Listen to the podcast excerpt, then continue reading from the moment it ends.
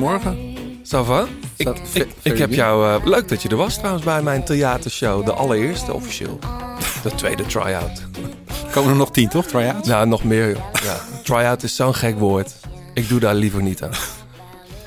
Hey, maar het, het zonnetje begint alweer een beetje te schijnen. Gelukkig wel, Lekker ja. temperatuurtje nu. Het waait wel erg hard hoor. Ik zou vandaag de fiets niet opkruipen. Zijn jouw benen al klaar om eh, door andere mensen gezien te worden? Of staat er nog flink wat haar op? Dat is een intieme vraag.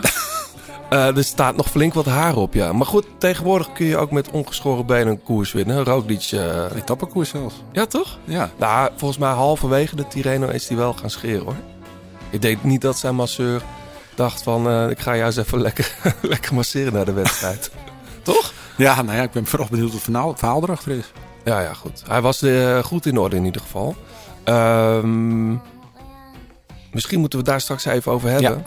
Gaat hij de Tour niet heel erg missen? Of gaan wij hem niet heel erg missen in de Tour? Of gaat hij gewoon de Giro winnen? Ja, of allebei. Kan ook nog. Goed, we gaan het erover hebben. We hebben een mooie gast, eh John. Eh, daarover gesproken. Was jij bang na het stoppen van jouw profcarrière als wielrenner? Voor het grote, eh, gapende zwarte gat.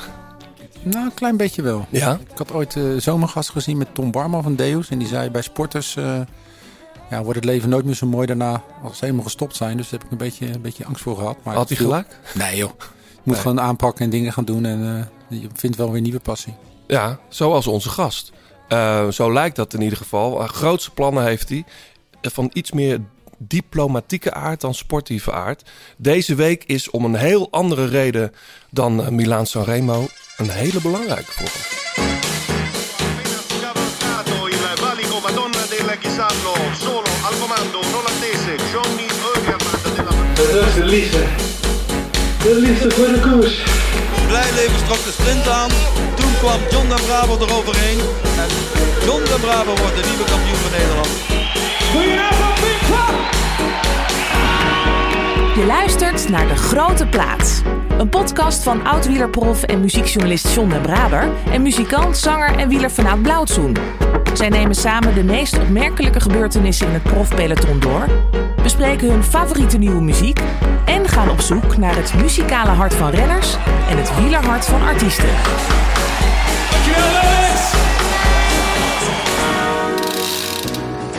Je zult maar een enorm talent hebben om hard te fietsen. Als jonge belofte strijden aan de zijde van Wilco Kelderman, Rowan Dennis, Van Baarle en Tom Dumoulin. Via het Rabo Conti-team stroom je door naar de grote jongens van Giant Shimano. Je droom wordt werkelijkheid en dan, na een reeks aan tegenslagen, moet je stoppen met dat wat je het liefst doet. Dat gebeurde onze gast. Hij pakt daarna een studie op, maar de edele wielersport blijft trekken. Onder de vleugels van het huidige Jumbo-Visma bloeit hij weer op tot renner. Maar dan, in 2019, zit het weer tegen.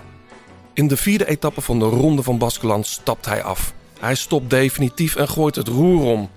Zonder fiets, maar met veel ambitie, zet hij zich nu in als een aanstormend politicus. En hij heeft een nieuw doel. Het minimaliseren van de factor geluk in een mensenleven. Welkom Daan Olivier. Dankjewel. Het is toch Olivier, niet Olivier? Nee, nee, ik heb gewoon de, de, de, de goedkope, De goedkope naam. de goedkope naam, ja. Daan Op z'n Olivier. Hollands. Eh, moet je mij even uitleggen hoor. Het minimaliseren van de factor geluk in een mensenleven. Ja, Dat is een hele mond vol. dat is een hele mond vol, ja. Ja, ik heb er zelf ook lang over naast te denken. Maar eh, ja, ik heb zelf heel veel geluk gehad eh, dat ik... nou, ik ben op de juiste plek geboren. Mijn ouders die, die konden heel veel... ja, die, kon, die konden gelukkig een racefiets betalen toen ik als, als jongetje de droom had om, eh om profielrenner te gaan worden. Maar op dat moment besefte ik me dat eigenlijk niet heel erg. Dus Mhm. eh, nou, ja, toen ik eh, prof werd in, wat was het, eh 2014 volgens mij. Toen dacht ik, nou, dat heb ik eigenlijk helemaal aan mezelf te danken. Want ik heb er toch zo hard voor gewerkt. Ja. Maar aan de andere kant zie ik ook heel veel mensen die ook dromen hebben. Kinderen die dromen hebben. maar die niet, nou ja, zo het geluk hebben dat de ouders eh, de racefiets kunnen kopen. Pa op woensdag vrij kan nemen van zijn werk om naar een eh eh, baanselectietraining Ja. te gaan. Pa de benzine kan betalen om in het weekend naar België te gaan voor koersjes.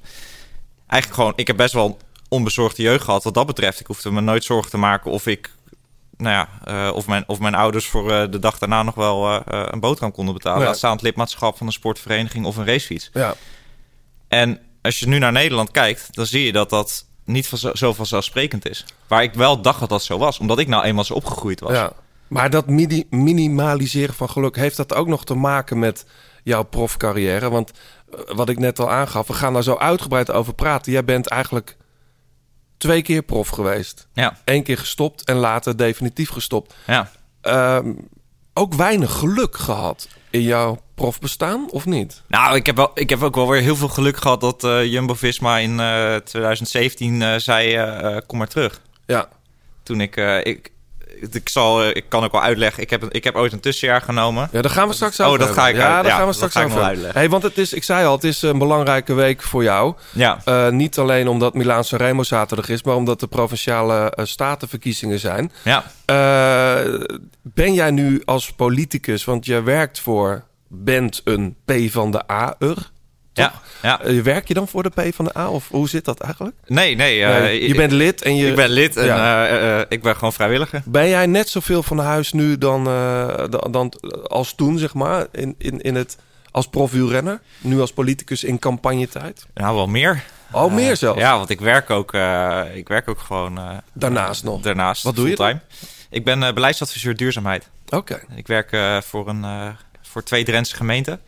En ben daarbij bezig met allerlei eh, eh, duurzaamheidsprojecten, maar maak ook beleid. Met Was de ronde van Drenthe wat dat betreft eh, duurzaam dit weekend? Nou ja, ik zag, ik had woensdagavond tot laat, of donderdagavond tot laat, zat ik in een, in een vergadering. Ja. En toen liep ik de deur uit en toen zag ik dat ze parcours aan het opbouwen waren, maar tegelijkertijd sneeuwde het ook. Ja.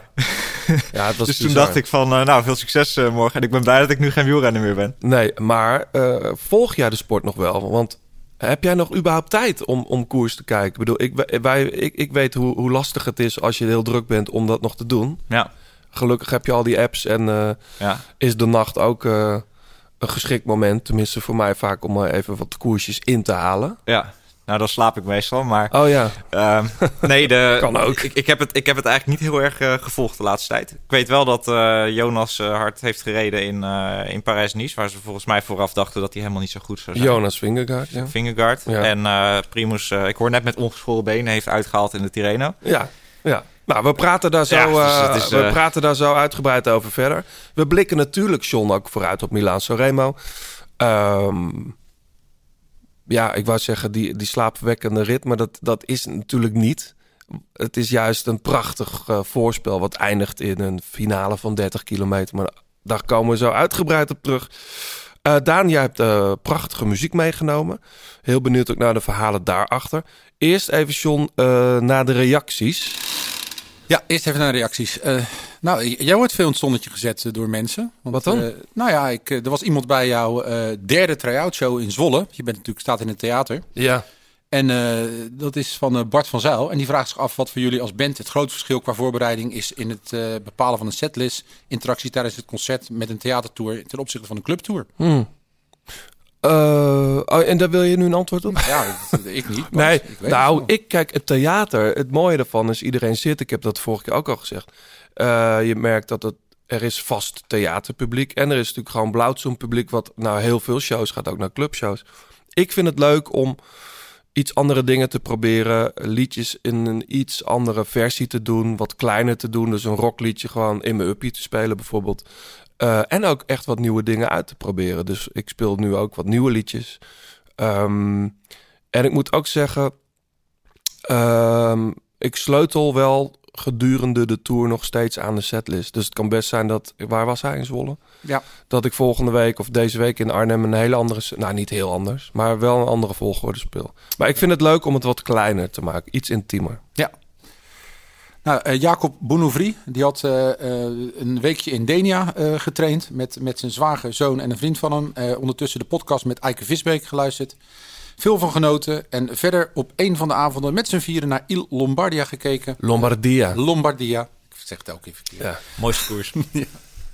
Wat, Mooi, een, wat een gave, tijdloze docu. En nu weet ik Zei ook- jij nou mooiste koers dan? ja, fantastisch. Ja, oh wat. Eh, We hebben een, we hebben een fan aan tafel. Ah, we, we, gaan, de- we gaan de show helemaal omgooien. Kijk, hier. Maar in ieder geval, hij heeft daar heel erg van genoten. En hij weet nu uiteindelijk waar de Johnny Hogeland eh, eh, stukje vandaan komt in onze lieder. ja, klopt ja. Daar vandaan. Dus eh, misschien een idee dat Johannes een vervolg maakt over bijvoorbeeld Prijs-Roubaix of de Strade. Want deze docu vraagt om een opvolger. Nou, Dat is leuk om te horen. kijk. Over docu's gesproken. Heb je die eh, All-In al gezien over Ik Jumbo-Visma? ben echt heel erg druk geweest. Ik, moet hem, ik wil hem echt Het is, kijk, ik ben heel kritisch op wielerdocumentaires. Niet omdat ik er zelf ooit een maakte, maar het is vaak een beetje... zet maar een camera erop en we monteren wel. Dit is prachtig gemaakt. Ja. Mooi. Je hebt, ja, Daan heb je hem gezien. Ik heb hem ook gezien. Ja. Heb je Nou, hem gebinged ook al? Helemaal- Nee, we, zijn hem, eh, we kijken hem aflevering voor aflevering. Kijk samen met eh, mijn vriendin. Oh, wat leuk. Ja, ik heb hem ook samen met mijn vriendin gekeken. Ja, en het is ook wel grappig, want je ziet gewoon nog heel veel herkenbare dingen vanuit het team. Maar ook wel ja, dat ze toch weer een professionaliseringsslag hebben gemaakt. Dus ik, ik kijk Ja, ook het zijn heel veel dan- jongens waar jij mee gereden hebt. Sterker nog, Ja. volgens mij dat jaar dat jij stopte... Toen kwam heb je- Jonas erbij. Toen kwam Jonas erbij, ja. Ja. ja. Ja. Maar echt mooi gedaan, John. Mooi, mooi in. narratief Ja. vertel, verteld en geschreven door Frank Heijnen. Ja. Ook hier wel eens aan tafel gezeten heeft. Ehm, heel erg de moeite waard. En jij attendeerde me met heel veel andere mensen op die Padlef-docu op The. Godfather. De- Daar ben ik eh, ook eventjes aan begonnen. Tenminste, ik heb één aflevering gezien. Er is er ook nog maar eentje. Oh, er is er nog maar Ja. één. Deze week, ja. Eh, daar heb ik ook wel een mening over. Maar ja, eh, wat moet ik nou zeggen? Hij is wel echt door de ploeg gemaakt ook, dat merk je. Nee, hij is door Lieve, Lieve van Gils gemaakt. Nou, volgens mij door die, door die communicatiedame. Ja, van- die filmt heel veel Ja, dingen. Ja. Maar volgens mij doet Lieve al die, die interviews. Het was wel één grote Padlef-show. Maar het is gewoon een fascinerende man. En ik ja, maar ik begreep dat alle criticasters die ze gevraagd hadden... uiteindelijk niet in de show zitten. Zo, nou, zoals Cavendish was gevraagd, had toegezegd... heeft uiteindelijk niet meegewerkt. Ik was juist wel benieuwd eh, naar zijn verhaal. Nou, dat komt vast nog wel een keertje. Als hij zijn eh, record eh, in de Tour haalt, denk ik. Cavendish. Tuurlijk. Oké, sorry dat ik jouw reacties onderbrak. Nee joh, geen probleem. Patrick Bartels, dat is de laatste die ik even wil noemen. Die heeft een muzikale tip voor ons. Kerala Dust. Ik weet niet of je dat kent. Dat is een trio uit Londen. Beetje dance, beetje groezelig met Violent Drive. En eh, dat, ja, leuk. Dat je, laat zo'n dingen komen. Wij zijn ook altijd Ja. benieuwd naar die dingen. Dus. Dus eh, Patrick, ehm, als jij eh, even met onze DM, of even via de DM even reageert, op, dan krijg je een shirt van de grote plaat Ja. van 36 Cycling. Hartstikke goed. Ehm, jij hebt wel, je hebt dan die docus niet gezien, maar je hebt wel koers gekeken, toch, John? Ja, Parijs-Nice, Ik heb weer met drie schermen voor me. voor dat me was veel, hè? Ik heb, eh, ja. Parijs-Nice was mooi. Ik vond Tirreno niet zo heel sprankelend. Nee, weinig bergop ook in het begin. Maar ehm, ja, Pogacar tegen Vingegaard, je noemde hem al even dan. Jij hebt hem vroeger, vroeger, mag ik zeggen vroeger? Ja, dat is wel een soort van vroeger. Een soort van vroeger met Jonas ge, gekoerst natuurlijk. Toen moest het voor hem nog allemaal beginnen. Ja. Ehm, ik vond het verschil toch nog wel groot hoor, tussen die twee jongens. Nou, ik stond van te kijken dat Daan net zei van... eh, ze hadden niet verwacht dat hij al überhaupt daar wat zou kunnen. Maar voor mij kwamen de verhalen vooral pas achteraf dat hij nog niet goed is... en dat hij nog moet schaven. Ja, Maar ik vond het wel... eh, hij- ging natuurlijk de eerste keer bergop gelijk eh fel in de aanval. nou, dat vind ik wel leuk. Het lijkt Ja. wel een, hij lijkt wel op een andere manier te koersen. Maar Maar ja, toen ging eh Pogacar er lachend in het wiel zitten en eh liet hem ernaast staan. Dus het was, ja, het was niet echt een level playing field op dit moment. Ik denk dat Pogacar... wat bedoel je daarmee? Nou ja, dat, dat hij gewoon beter in orde is. Hij heeft natuurlijk veel meer gekoerst ook. Dat scheelt natuurlijk heel veel. Eh, dus Pogacar is gewoon beter, beter in vorm. Dus ik denk, het is heel moeilijk om nu al te zeggen van... Ja, dit, dit geeft iets Ja. aan richting de Tour. Maar laten we er anders straks even op terugkomen. Ja. Eh, van de Poel eh, hebben wij natuurlijk, eh, volgen wij op de voet. Reed geen straden, maar wel... Nee, reed wel straden. Natuurlijk, Zeker. reed wel straden, maar kon daar niet echt mee met, met, Ja. met Pitcock. Nou, ik, ben, ik ben zelf ook een beetje in het narratief meegegaan dat hij daar wel top 3 ging rijden. Maar ja, het is natuurlijk niet zo gek als je je allereerste koers rijdt. Dat je dan niet echt helemaal top in orde bent. Nee. Natuurlijk, eh, al die gasten die daar waren, die hebben natuurlijk al wat, wat koers in de benen. Nou, sterker nog, Pitcock is natuurlijk om een reden eerder gestopt met het veldrijseizoen. Ja. Hij heeft zelfs geen WK gereden. Ook misschien omdat hij daar wist dat hij niet kon winnen.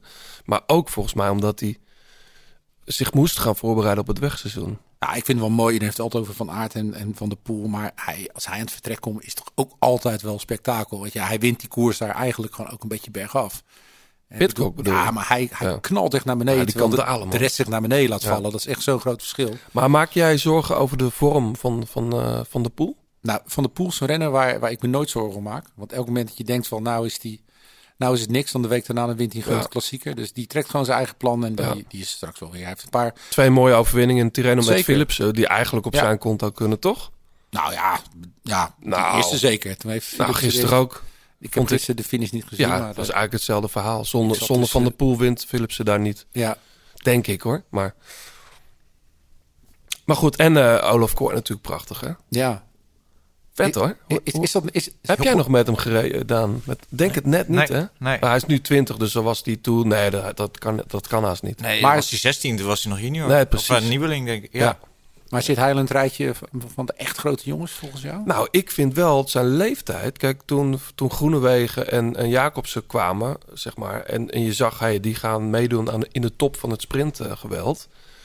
Waren ze al wel iets ouder. Ja. En, Olaf is echt nog jong. belofte eigenlijk. Ja. Dus ja, ik had bijna zoiets. Als je dit soort uitslagen gaat rijden, dan mag je wat mij betreft ook wel mee naar de Tour. Ik weet niet of daar echt veel te halen is voor de sprinters dit jaar. Nou, denk ik niet. Nee? Nee, het wordt echt een heel zware eerste week al. Dus. Ja, ja bovendien- Baskeland. hè, Ja. Bovendien heeft Jumbo-Visma natuurlijk wel duidelijk eh, zijn plannen getrokken richting de grote ronde in eh, Frankrijk. En ik denk niet dat daar een sprinter mee gaat. Nee. Maar wat, wat ik vooral van Jacobs, eh, of van Jacobs, of van Kooi, eh Freudiaanse bespreking.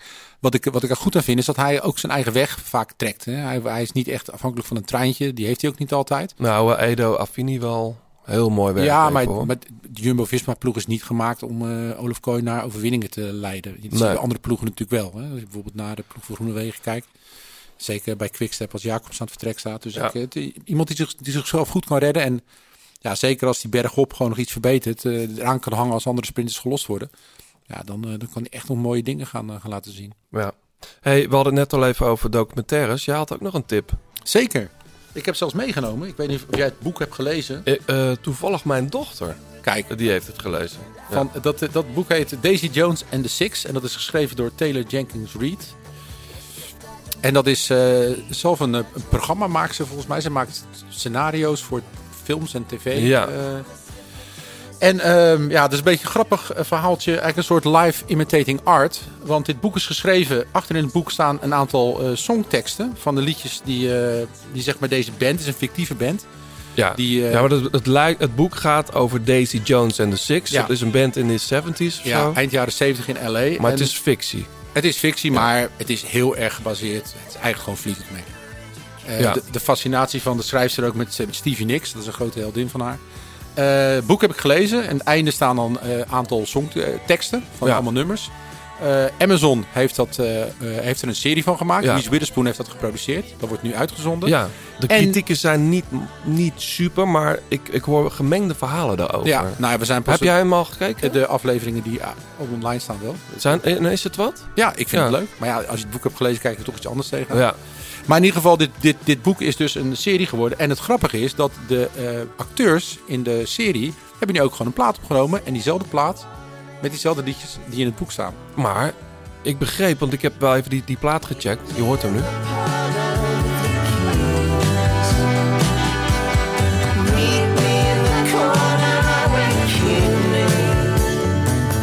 Eh, daar zit dan weer die Blake Mills achter. Ja. Die heeft in 2010 echt een gigantisch mooie plaat gemaakt. Ja. Maar die speelt dan denk ik niet in de serie, toch? Nee, maar het gaat om de, de Riley Keough. Dat is eh, de hoofdrolspeelster, Daisy Jones. Dat is trouwens de kleindochter van eh, Elvis Presley. Doe maar.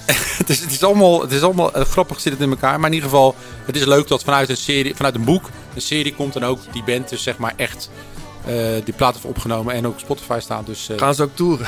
nou ja, dat, ik sta nergens van te kijken. Nee, Het zal Misschien een try-out? Ja, Misschien een try-out. try-out of zo. eh. Ja, try it. Leuk. Dus mensen, weet je, het boek is, is, is een genot als je van een beetje die, die lekkere zomerse sfeer houdt van, eh, van de muziek in de jaren 70 in LA met foute managers en allemaal mooie, het wordt vanuit alle bandleden in perspectief verteld. En eh, de serie staat op Amazon. En eh, check, check het op, eh, op, op, op Spotify. En het, eh, het liedje wat we hebben uitgezocht, dat eh Draaien we straks in de straks toegift als toegift. in zijn geheel. Zeker. Je luistert nog steeds naar De Grote Plaat. Heb je tips of heb je een vraag? Laat het dan weten via Twitter, het Grote Plaat of Instagram. En laat een reactie en een beoordeling achter op Apple Podcast. Terug naar jou, Daan. Ik zei het al, je, je hebt, een, eh, je hebt een, een hele drukke periode, denk ik nu. Woensdag, we nemen dit op maandag op, maar woensdag zijn de verkiezingen. Ehm, daar gaan we het zo over hebben. Mijn eerste vraag eigenlijk aan jou is...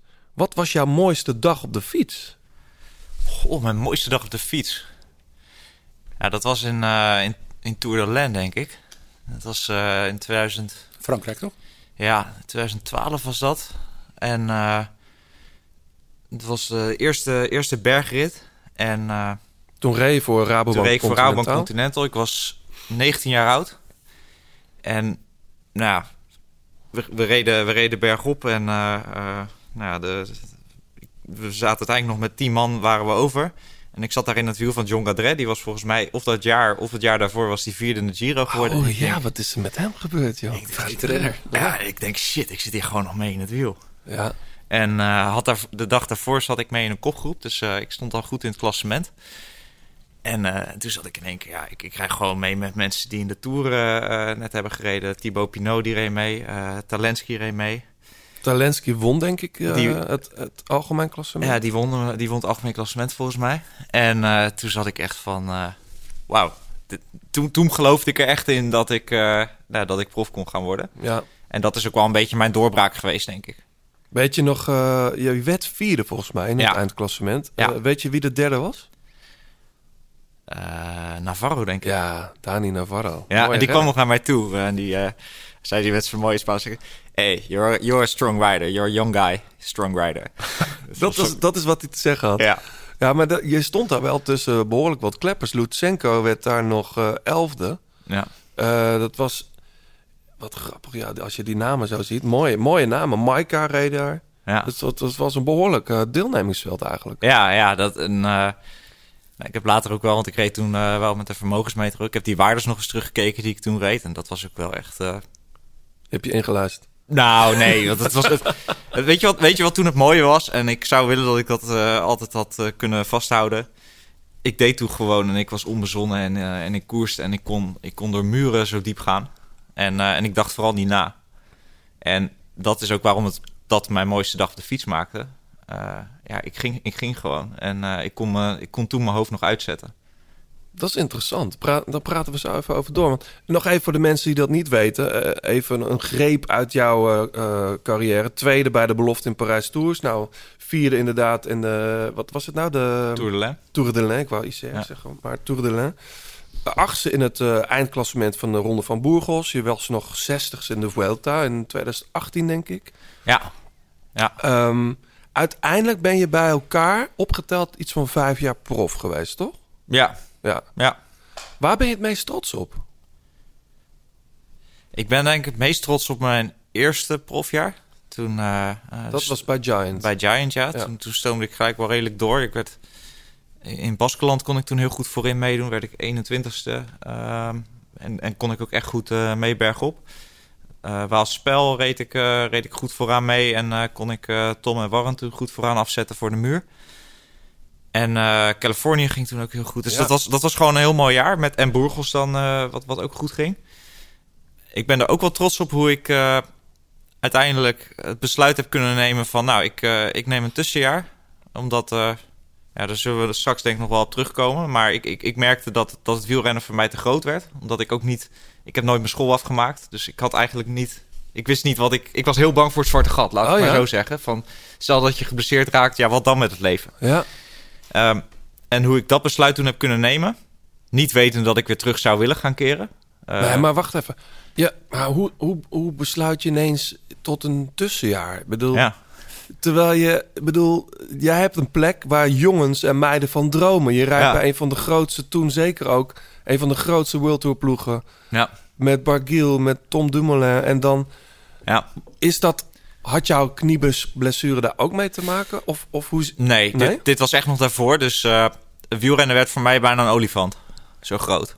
En dat was omdat eigenlijk mijn hele leven was wielrennen en hing, en hing in mijn optiek daar ook vanaf.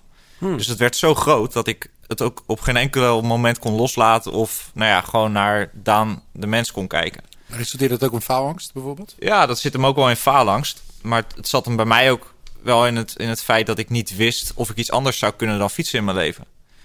Eh, ook, ik, had, ik had namelijk niet eens een, een middelbare schooldiploma. Hmm. Dus dat begon zo hard aan me te knagen dat ik denk, ja, eh, ik, ik mag niet falen op de fiets.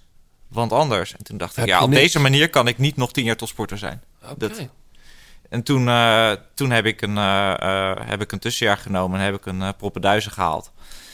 Eh, en en nou ja, toen, toen dacht ik van, nou, ik vind studeren eigenlijk ook wel leuk. Ik, eh, ik, ik kom er ook re- relatief makkelijk doorheen. Nou, ik weet dat ik, meer, dat ik meer dingen leuk vind in het leven en ook meer dingen kan in het leven. En toen... toen- had ik die rust weer. Kijk, want wij, wij kenden jou toen ook al natuurlijk. En toen was een beetje het verhaal, ja, hij, hij is geblesseerd, hij heeft gedoe met zijn knie en daarom stopt hij. En eh, toen was het ook des, opmer- eh, des te Nou. opmerkelijker dat je weer terugkwam. Ja, die knie speelde toen nog niet. Dus Nee? nee, dus eh, die knie is echt pas in eh, 2018 gaan spelen na, die, eh, na een valpartij in, eh, in Boulder in Amerika. Ja. Dus eh, nee, dit, dit was echt dat ik met mezelf in de knel zat. Begrepen ze jou? Nee. Nee. Ja, er was één iemand die mij een beetje begreep. Eh, en daar heb ik ook nog wel een paar goede gesprekken mee gehad. En dat was eh, Tom Dumoulin. Ja. Verbaast me eigenlijk niks als ik zie hoe hij in elkaar steekt. Nee. Maar dat is ook een denker. Ja. Iemand die eh, veel met zijn hoofd, laat ik het zo zeggen, dat het klinkt heel stom naar topsporters, maar bovengemiddeld eh, eh, ja, op een andere manier nadenkt of denkt over zijn, zijn topsportbestaan. Ja. Zeg ik het zo goed? Ja, ik denk het wel. Maar ik, ik blijf een beetje hangen bij het verhaal dat jij zegt: ik stop, want eh, ik maak het te groot. Bedoel, de sportpsychologen, daar, daar, daar struikel je bijna over. Is, is dat niet iets wat vanuit de ploeg, heb je dat zelf aangegeven bijvoorbeeld, om met iemand te praten een keer? Nou, ik ben, eh, ik ben wel een beetje een persoon die... eh, ik, ik moet vooral dingen zelf uitzoeken. En ik, ik, heb, ik heb wel met sportpsychologen gesproken... maar op het moment dat ik een bepaalde gedachte in mijn hoofd heb... dan moet ik dat doen. En dan is er ook niet... Dan kunnen mensen op me inpraten wat ze willen. Maar eigenlijk heb ik, al, heb ik mijn richting al bepaald. En dan moet ik zelf maar ervaren wat er uit gaat Oké, komen. dus jij stopt eigenlijk. Je hebt een droom. Je hebt de plek in een grote World Tour ploeg. Ja, Ehm, je krijgt een mooi programma. Ik zie dat je dat jaar ook al Lombardij reed, waar je trouwens niet finishte. nee. Eh, later wel. Je hebt volgens mij drie keer, vier keer gereden. Eh, ik heb hem- al mijn proefjaren heb ik Lombardij gereden. Ja, zo hoort dat ook, Ja. John. Eh, nee, maar het is... Neem me dan even mee. Kijk, jij denkt, het wordt te groot. En wat heb ik straks als het wielrennen stopt? Ja. Dan ga je propenduizen halen. Ja. Bestuurskunde of zo? Wat Nee, ik heb, ik heb toen commerciële economie gedaan Ja. eh, aan de Hogeschool Leiden. En ja, kwam er ook wel achter dat dat niet de opleiding was die heel goed bij mij paste. Wel Dat was, blijven doorfietsen toen? eh, redelijk, eh, maar vooral ook wel een jaar het studentenleven geleid. Lekker. Ja, was ook wel heel leuk. Gezond ook. Ja, Of dat had je misschien voor die tijd helemaal niet... nee, maar ik, ik was vanaf mijn vijftiende. Ik, ik begon op mijn, eh, op mijn vijftiende met wielrennen. En op mijn eh, veertiende of dertiende met schaatsen. En er was één droom. Ik had één droom en dat was topsporter worden. En alles moest daarvoor wijken. Mhm. Dus ik was al. Nou ja, je, je hoort ook wel eh, jongetjes, meisjes die op hun, misschien op hun zevende, achtste al gaan fietsen. En dat, dat ze daarin geduwd worden. Bij mij was het echt een eigen keuze. Maar ik heb nooit het leven van een scholier geleid. Of nooit eh, het leven van een student kunnen leiden. En nou ja, dat waren ook wel dingen die aan me begonnen te trekken. En wat je inderdaad zegt, nou, ik heb mijn, eh, ik heb mijn droom. eh, ik, heb, ik had een droombaan. Ja. En als je dat nu ook, zo- als ik daar nu zo op terugkijk, ja, die had ik. En ja, hoe, hoe je bent echt, nou ja, van, van buitenaf werd er gedacht, ja, die is knettergek dat hij dit, dat hij hiermee stopt. Maar voor mij was het op dat moment geen droombaan. Voor maar, mij was het op dat maar moment dat die grote ene, olifant. Die maar dat de, ene jaar was dan voldoende ja. om even een soort reset te maken, om vervolgens alsnog weer prof te worden. Ja. Wat best bijzonder. Ja. Want hoe is dat gegaan? Jij kreeg een, een belletje van, van Richard Plugge of zo, of hoe gaat dat? Nee, dat, uh, ik was met uh, Floris Scherts, uh, een vriend van mij, was ik mee naar Livigno. En dat was ook voor het eerst dat ik weer echt lange ritten ging maken. Ik ging met hem mee trainen en nou, eigenlijk ging dat best wel goed. En uh, we reden op een dag, uh, reden we, uh, het was een beetje ja, miserig regen. En we reden over de, de, de Mortirolo en de Gavia. En een rit van uiteindelijk voor mij zeven uur. Want op het laatst was ik helemaal kapot. Dus het duurde super lang voordat ik weer terug in Livigno was. Op die laatste ja. klim. Ik denk dat Floris bijna een uur eerder was. Maar ik zat alleen maar te genieten. En toen dacht ik... Ja, Ook op de Mortirolo? Ja, zelfs op de Mortirolo zat ik te genieten. De, uh, de pas zo die teringleier. Ah, die zat gelukkig nog op het begin. Dus ah, toen was ik nog re re relatief fris. Maar eh, nee, ik zat daar echt te genieten en toen dacht ik van ja, ik ben hier nog niet klaar mee. En eh, nou, toen kwam ik, eh, kwam ik in het huisje en eh, ik, ik zeg het ook tegen Floris van ja, ik, ik, ik wil weer gaan koersen, maar eh, ja, ik ga gewoon ik ga bij de amateurs beginnen en dan zien we wel. Hm. Dus ik, eh, maar ik had dat Dus voorjaar. dat ritje over de Gavia, de Mortirolo, dacht jij ineens zo... Fuck, wat heb ik... Ja, ik was er wel naartoe aan het werken al. Hm. Eh, want ik ga ook niet voor niks met iemand mee op hoogtestage. Van, nou ja, ik, ik was nog niet klaar met de fiets. Nee, Maar ik moest voor mezelf ook een soort van uitvinden van... wil ik weer echt gaan koersen? Ja. of nee? En eh, nou ja, toen, eh, toen belde ik Rick van Dongen, mijn manager destijds op. Of mijn oud-manager, want ik was toen geen fietser meer. nee, Eh, want ik had met hem afgesproken dat als ik het ooit in mijn hoofd zou halen om weer eh, te gaan fietsen... dat ik hem op zou bellen. ja. Uh, maar dat was meer omdat hij ook connecties had met de jonge renner. En om daar een licentie te gaan regelen, et cetera. En gewoon als, nou, ik, heb hem persoonlijk ook hoog zitten. Dus ik belde hem ook, ja, persoonlijk van, ik, ik, wil je dit, ik wil je dit mededelen. En wanneer was dit dan? 2016? Dit was ju juli 2016. En nou, in augustus begon ik met koersen. En Rick die was zo vrij om, om allerlei teams af te gaan bellen. Zonder dat ik dat toen heel erg wist. En toen kwam hij een paar, of een week later kwam hij bij me terug. Ja, ik ben zo vrij geweest om, uh, om aan teams te bellen. Ik heb met, uh, met Giant gebeld. Ja, die willen je niet. Ja, dat kan ik ook wel begrijpen. Ja. Uh, Roompot staat wel open voor, voor een gesprek. En, en Jumbo, Lotto Jumbo destijds, staat ook open voor een gesprek. Ja.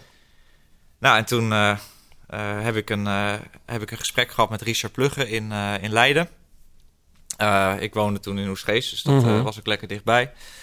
En nou, toen heb ik het een en ander ook toegelicht. En uh, toen zei hij, ja, schrijf maar een brief waarom je uh, weer terug wil gaan koersen. En ik zat voor mezelf toen nog echt na te denken van... ja, maar wil ik wel gelijk weer bij de profs gaan beginnen? Of, uh... Was dat nou echt, was dat echt een brief, brief? Of is dat gewoon een mailtje? Of, ja, nee, ik, ik heb, ik, maar ik heb een brief, dat klinkt zo... Beste ik heb, hem, ik heb hem dus laatste keer teruggelezen. Ja. Want ik zat zo door mijn laptop en allemaal mappen zat ik te spitten. En toen las ik die brief terug en toen dacht ik... Ja, brief het, aan Richard? nee, ook aan Nico oh. Verhoeven en Marijn Zeeman. Ja. En toen dacht ik, ja, ik had, ik had toen wel echt... Nou, ik had, het, ik had het voor mezelf op een rijtje van wat was er misgegaan in, in, in carrière deel 1. He, dus dat ik, uh, nou, dat ik het wielrennen veel te groot maakte voor mezelf. En daar eigenlijk heel obsessief mee omging. En hoe wil ik dat anders gaan doen? En, en waar heeft dit jaar, ja, wat heeft dit jaar, tussenjaar mij ook gebracht? En wat voor lessen heb ik daaruit getrokken? Ja. En in de PS stond er nog je wattage, maar... Nee, nee, nee, want ik had... Nee, die wattagemeter die was ondertussen was die overleden. Oh. Uh, maar ik had wel op Strava had ik... Uh, ik was één keer was ik de Gavia opgeklapt. Echt hard. Ja. Gewoon volle bak. En, uh, en toen had ik, daar, had ik daar wel een kommetje gepakt. Zo. Dus... Ja, en die, die stond wel in de brief. Die stond, nee, die stond wel op Strava. Volgens mij, Wielerflits heeft dat toen ook gezien. Want ik kan me herinneren dat er ooit een artikel toen heeft ja. gestaan van... Uh, ja, klopt. Dat, dat ik weer aan het fietsen was en dat ik een kommetje op de Gavia had gepakt. Ja. Dus... Wat bijzonder, joh. Ja. En in, uh, in het jaar erop reed je voor... Dat was toen al Jumbo-Visma? Nee, nee, Lotto Jumbo nog. Lotto Jumbo ja. nog, ja. ja. 2017. Ja, ja dat was een mooi jaar. Heel mooi programma ook. Ja. Californië goed gereden, Zwitserland gereden, Polen gereden, de Vuelta ja. gereden. Ja. Lombardije natuurlijk. Lombardije, uiteraard. En het, Dit keer wel uh, uitgereden. En het, uh, dat gekke rondje in China. Ja, dat was echt fantastisch. ja, maar wat, wat was je ambitie dan? Nou, mijn ambitie was vooral om weer... Uh, nou ja, ik, ik, ik, had, ik had uit mijn hoofd gezet dat ik zelf nog, uh, dat ik zelf nog kopman zou kunnen worden. Ik wilde vooral gewoon... Ik, ik zag dat... nou ja, uh, Marijn uh, en, uh, en Richard en Nico die spraken ook uit van... Nou, wij willen echt een klimploeg gaan opzetten... en we willen mee gaan doen voor klassementen in grote rondes. Mm. Nou ja, dat, we zien daar nu het resultaat van. Ja. Nou, daar wilde ik deel van uitmaken. maar niet als kopman, maar wel als goede luxe knecht in de bergen. En dat was ook omdat ik zelf die druk niet meer wilde hebben. Ik, ik, ik, had wel als doel om in, uh, in, in kleine rondjes, zoals Californië, daar nog een keer ooit voor het klassement mee te kunnen gaan doen. Mm -hmm. Of in een Polen. En daar heb ik toen in 2017 ook de kans voor gekregen. Um, maar nou ja, echt, echt de kopman, zoals ik ook wel een beetje werd gezien na die vierde plek in Tour de Lens. En zoals ik mezelf toen ook zag, nou ja, dat, die ambitie had ik niet meer. Nee. Nee. En dat vond ik ook prima. Ik, ik, ik merkte ook dat ik daar. Nou, ik denk ook niet dat ik daar, dat ik daar fysiek uh, uh, goed genoeg voor was. Maar ik denk daarnaast dat ik er ook niet alles voor aan de kant kon zetten. Dus dat- omdat, omdat een kopman nog meer aan de kant moet zetten dan een, een luxe knecht of een, of een Nou, je moet, je moet denk ik op een bepaalde manier... eh, je moet een bepaalde winnaar slash killer mentaliteit hebben. Ja, en die had ik niet. Nee. Even ehm, fast forward naar 2019. Jij start dan in de Route del Sol. Ja, eh, start in Baskeland. ja, In de vierde rit staat de DNF achter je naam. ja. Wat is daar gebeurd die dag? Nou, in de eerste, in de eerste rit, in de tijdrit, toen eh, moest ik al lopend een, eh, een klim op. En eh, Leg uit. nou ja, mijn, dat eh, heel stijl was. hij was heel snel, maar ik had vooral, ik hoor.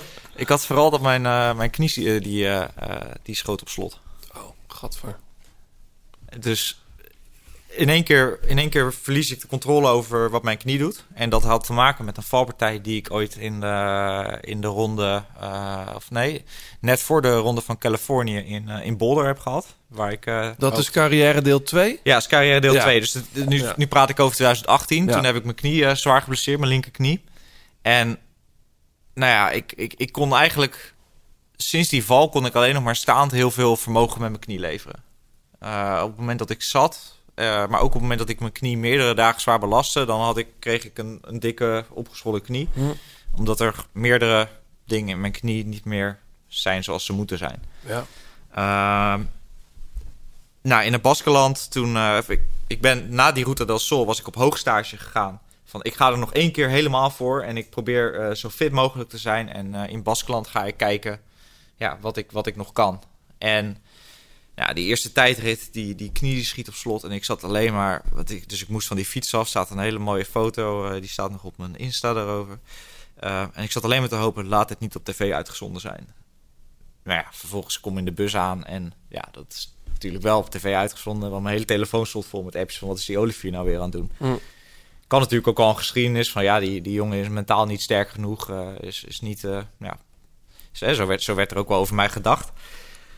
Dus eh, nou ja, toen, eh, toen zat ik echt van ja, maar mensen weten niet wat er met mijn knie aan de hand is. Ik ben al sinds, sinds eh, mei 2018 ben ik aan het revalideren. Ja. En ik voel dat het niet de goede kant op gaat. Sterker nog, het wordt slechter. Ehm, en toen had ik eigenlijk voor mezelf, zag ik al van, nou ja, op deze manier gaat het einde dichterbij komen van, van het fietsen. Want het, ik merk gewoon dat ik haal het niveau niet en eh, mijn lijf werkt niet mee. En nou, ik, ik, wil niet, ik wil niet nog allerlei operaties gaan doen of wat dan ook. Omdat ik ook wel, nou, ik had ook wel door dat ik niet nog verlengd zou gaan worden bij Jumbo-Visma. Mhm. Dus ja, dat, dat mijn carrière eh, in ieder geval in het profpeloton waarschijnlijk wel eindig zou zijn. Want er stonden ook geen andere ploegen om mij te springen. Want nou ja, een geblesseerde wielrenner, die wil je niet hebben. maar, Ehm, toen had ik voor mezelf na die tijdrit gezegd van... nou, ik ga Baskeland doorrijden en ik blijf koersen totdat ik gewoon uit koers word gereden. En dan kan ik voor mezelf ook... nou, dan zie ik ook gewoon dat ik niet goed genoeg ben. En dat... Hm. het- ja, dan, dan is het Maar- misschien ook makkelijker toewerken naar een beslissing... waarvan ik wist dat die later zou gaan volgen. maar niet goed genoeg. Dat klinkt zo alsof jij een andere, op een andere manier meet dan anderen meten. Want ik denk dat er in dat peloton van toen jongens rondrijden die veel minder talent hadden dan jij. Eh, ja, maar die, eh, die wel een stuk harder reden dan ik. Eh, Ja. omdat, omdat ik met mijn linkerbeen... Precies, omdat je met je knie zat. Ja. Ja. En, Bijzonder, bijzonder verhaal. ja, ja dat Gek, is, hoe dingen lopen. En, en maar dat is Baskeland. Het is dan april. We zitten binnenkort komt er, komt er weer eh, een rondje in het Baskeland. Ja. Is eh, hoe heb jij toen gezegd tegen de ploeg: ik stop ermee? Of hoe gaat dat dan? Nee, ik heb dat, ik heb dat niet direct gezegd. Ik, eh, we hebben eerst, eh, nou, ben ik, eh, ben ik scans, heb ik scans laten maken van mijn knie, want ik voelde zelf dat het niet, niet goed was. Ehm, die scans waren overigens ook al in 2018 gemaakt. En nou ja, je zag dat er bepaalde punten eh, eh, ja, eigenlijk minder goed waren Mhm. dan dat ze in 2018 waren. Dus nou ja, het huidige traject wat ik eigenlijk had ingezet met revalideren, met veel krachttraining en ja, eigenlijk die knie sterker maken, dat werkte niet. Nou ja, dus toen, toen zag ik wel van, nou, ik ben... Ik, ik, moet het, ik moet het rigoureus om gaan gooien en ik zal waarschijnlijk een ingreep aan mijn knie nodig hebben om dat weer volledig te kunnen gaan belasten. Ja. En nou ja, toen, eh, toen ben ik voor mezelf, ben ik ja, eigenlijk heel rationeel ben ik alle eh, kosten en baten van doorgaan met wielrennen of een, een nieuw leven beginnen of eh, gaan studeren, ben ik tegen elkaar af gaan zetten. En het wielrennen had mij eigenlijk sinds, sinds eh, eh, juni eh, dat jaar, dat ik weer kon gaan koersen, of juli, had het mij niet heel veel meer gebracht. Nee. Ik ben wel iemand die, nou ja, ik, ik wil van toegevoegde waarde voor een ploeg kunnen zijn. Ik bedoel, ik krijg, ik krijg hartstikke goed betaald als wielrenner. Ik, ik, ik wil een teamspeler kunnen zijn. En ik wil niet alleen maar met mezelf lopen, Nee. lopen stoeien omdat mijn knie niet meewerkt. Nee. Nou, dus het, slo- uiteindelijk sloeg dat voor mij negatief uit. Ik had ook tijdens die revalidatie had ik al nagedacht over, nou ja, ik wist dat het niet goed was met die knie. Dus ik had wel nagedacht over, ja, wat wil ik dan met het leven op het moment dat het, dat het ophoudt. Dus ik had al bijna een plan B, of had ik eigenlijk klaarstaan, voor als ik moet stoppen, dan kan ik ook direct doorpakken. En, En toen dat heb ik tegen elkaar afgewogen. Ja. En toen, toen ben kwam ik gaan in- eh, studeren? Ja, dan ben ik gaan studeren. Ja. Daar praten we zo over verder, want je hebt, je hebt nu een hele andere carrière. Ja. Ehm, heel boeiend, zeker ook in deze week, waarin we naar de stembus gaan, toch allemaal, hoop ik. Eerst eventjes, eh, dit heb jij meegenomen, John. En we gaan natuurlijk uitgebreid nog even over Milaan Sanremo praten zo. Darling, don't you leave before you try. You might be overwhelmed, but so am I. Darling, don't you leave before you try. I could never leave stars falling. Dit is eh, Naomi, oftewel eh, Naomi Speelman. Dat is een jonge, jonge dame, een jonge singer-songwriter. Stond eh, afgelopen jaar op eh Eurosonic eh, Noorderslag ook. Ja, oh, daar ken ik haar naam van, ja. En wel grappig, want zij heeft wel iets met, met Daan ook gemeen. Want zij eh, werd als kind op pianoles gezet. Dat heeft ze heel eh, stringent volgehouden. En, eh, maar daarna zo'n hekel aan muziek gekregen dat ze had eh, gezegd: Ik ga dat nooit meer doen. Later ging het toch weer kriebelen. Heeft ze de Herman Brood Academie volgens mij gedaan. Hier om de hoek. Ja, daar werd tegen haar gezegd van dat ze maar op melodieën moest richten omdat haar teksten niet echt helemaal goed waren. Dus had ze weer een knauw van gehad. Uiteindelijk toch haar weg gevonden. En, eh, oh, wacht, ik heb haar laatst ontmoet. ik zit, er Ik zit al te denken. Ja, Ik heb eh, haar laatst ja, natuurlijk. Ja, ik kwam haar laatst tegen bij een of andere schrijfsessie. Ja. Want het doet mij, toen ik het net aanzette, zette, dacht ik, hè? Het doet me ook aan iemand anders denken, namelijk Will Knox. Oké. Eh, maar ik zie nu dat hij het ook mee heeft geschreven Ja. en geproduceerd heeft. Darling, don't you leave before you try. I could never leave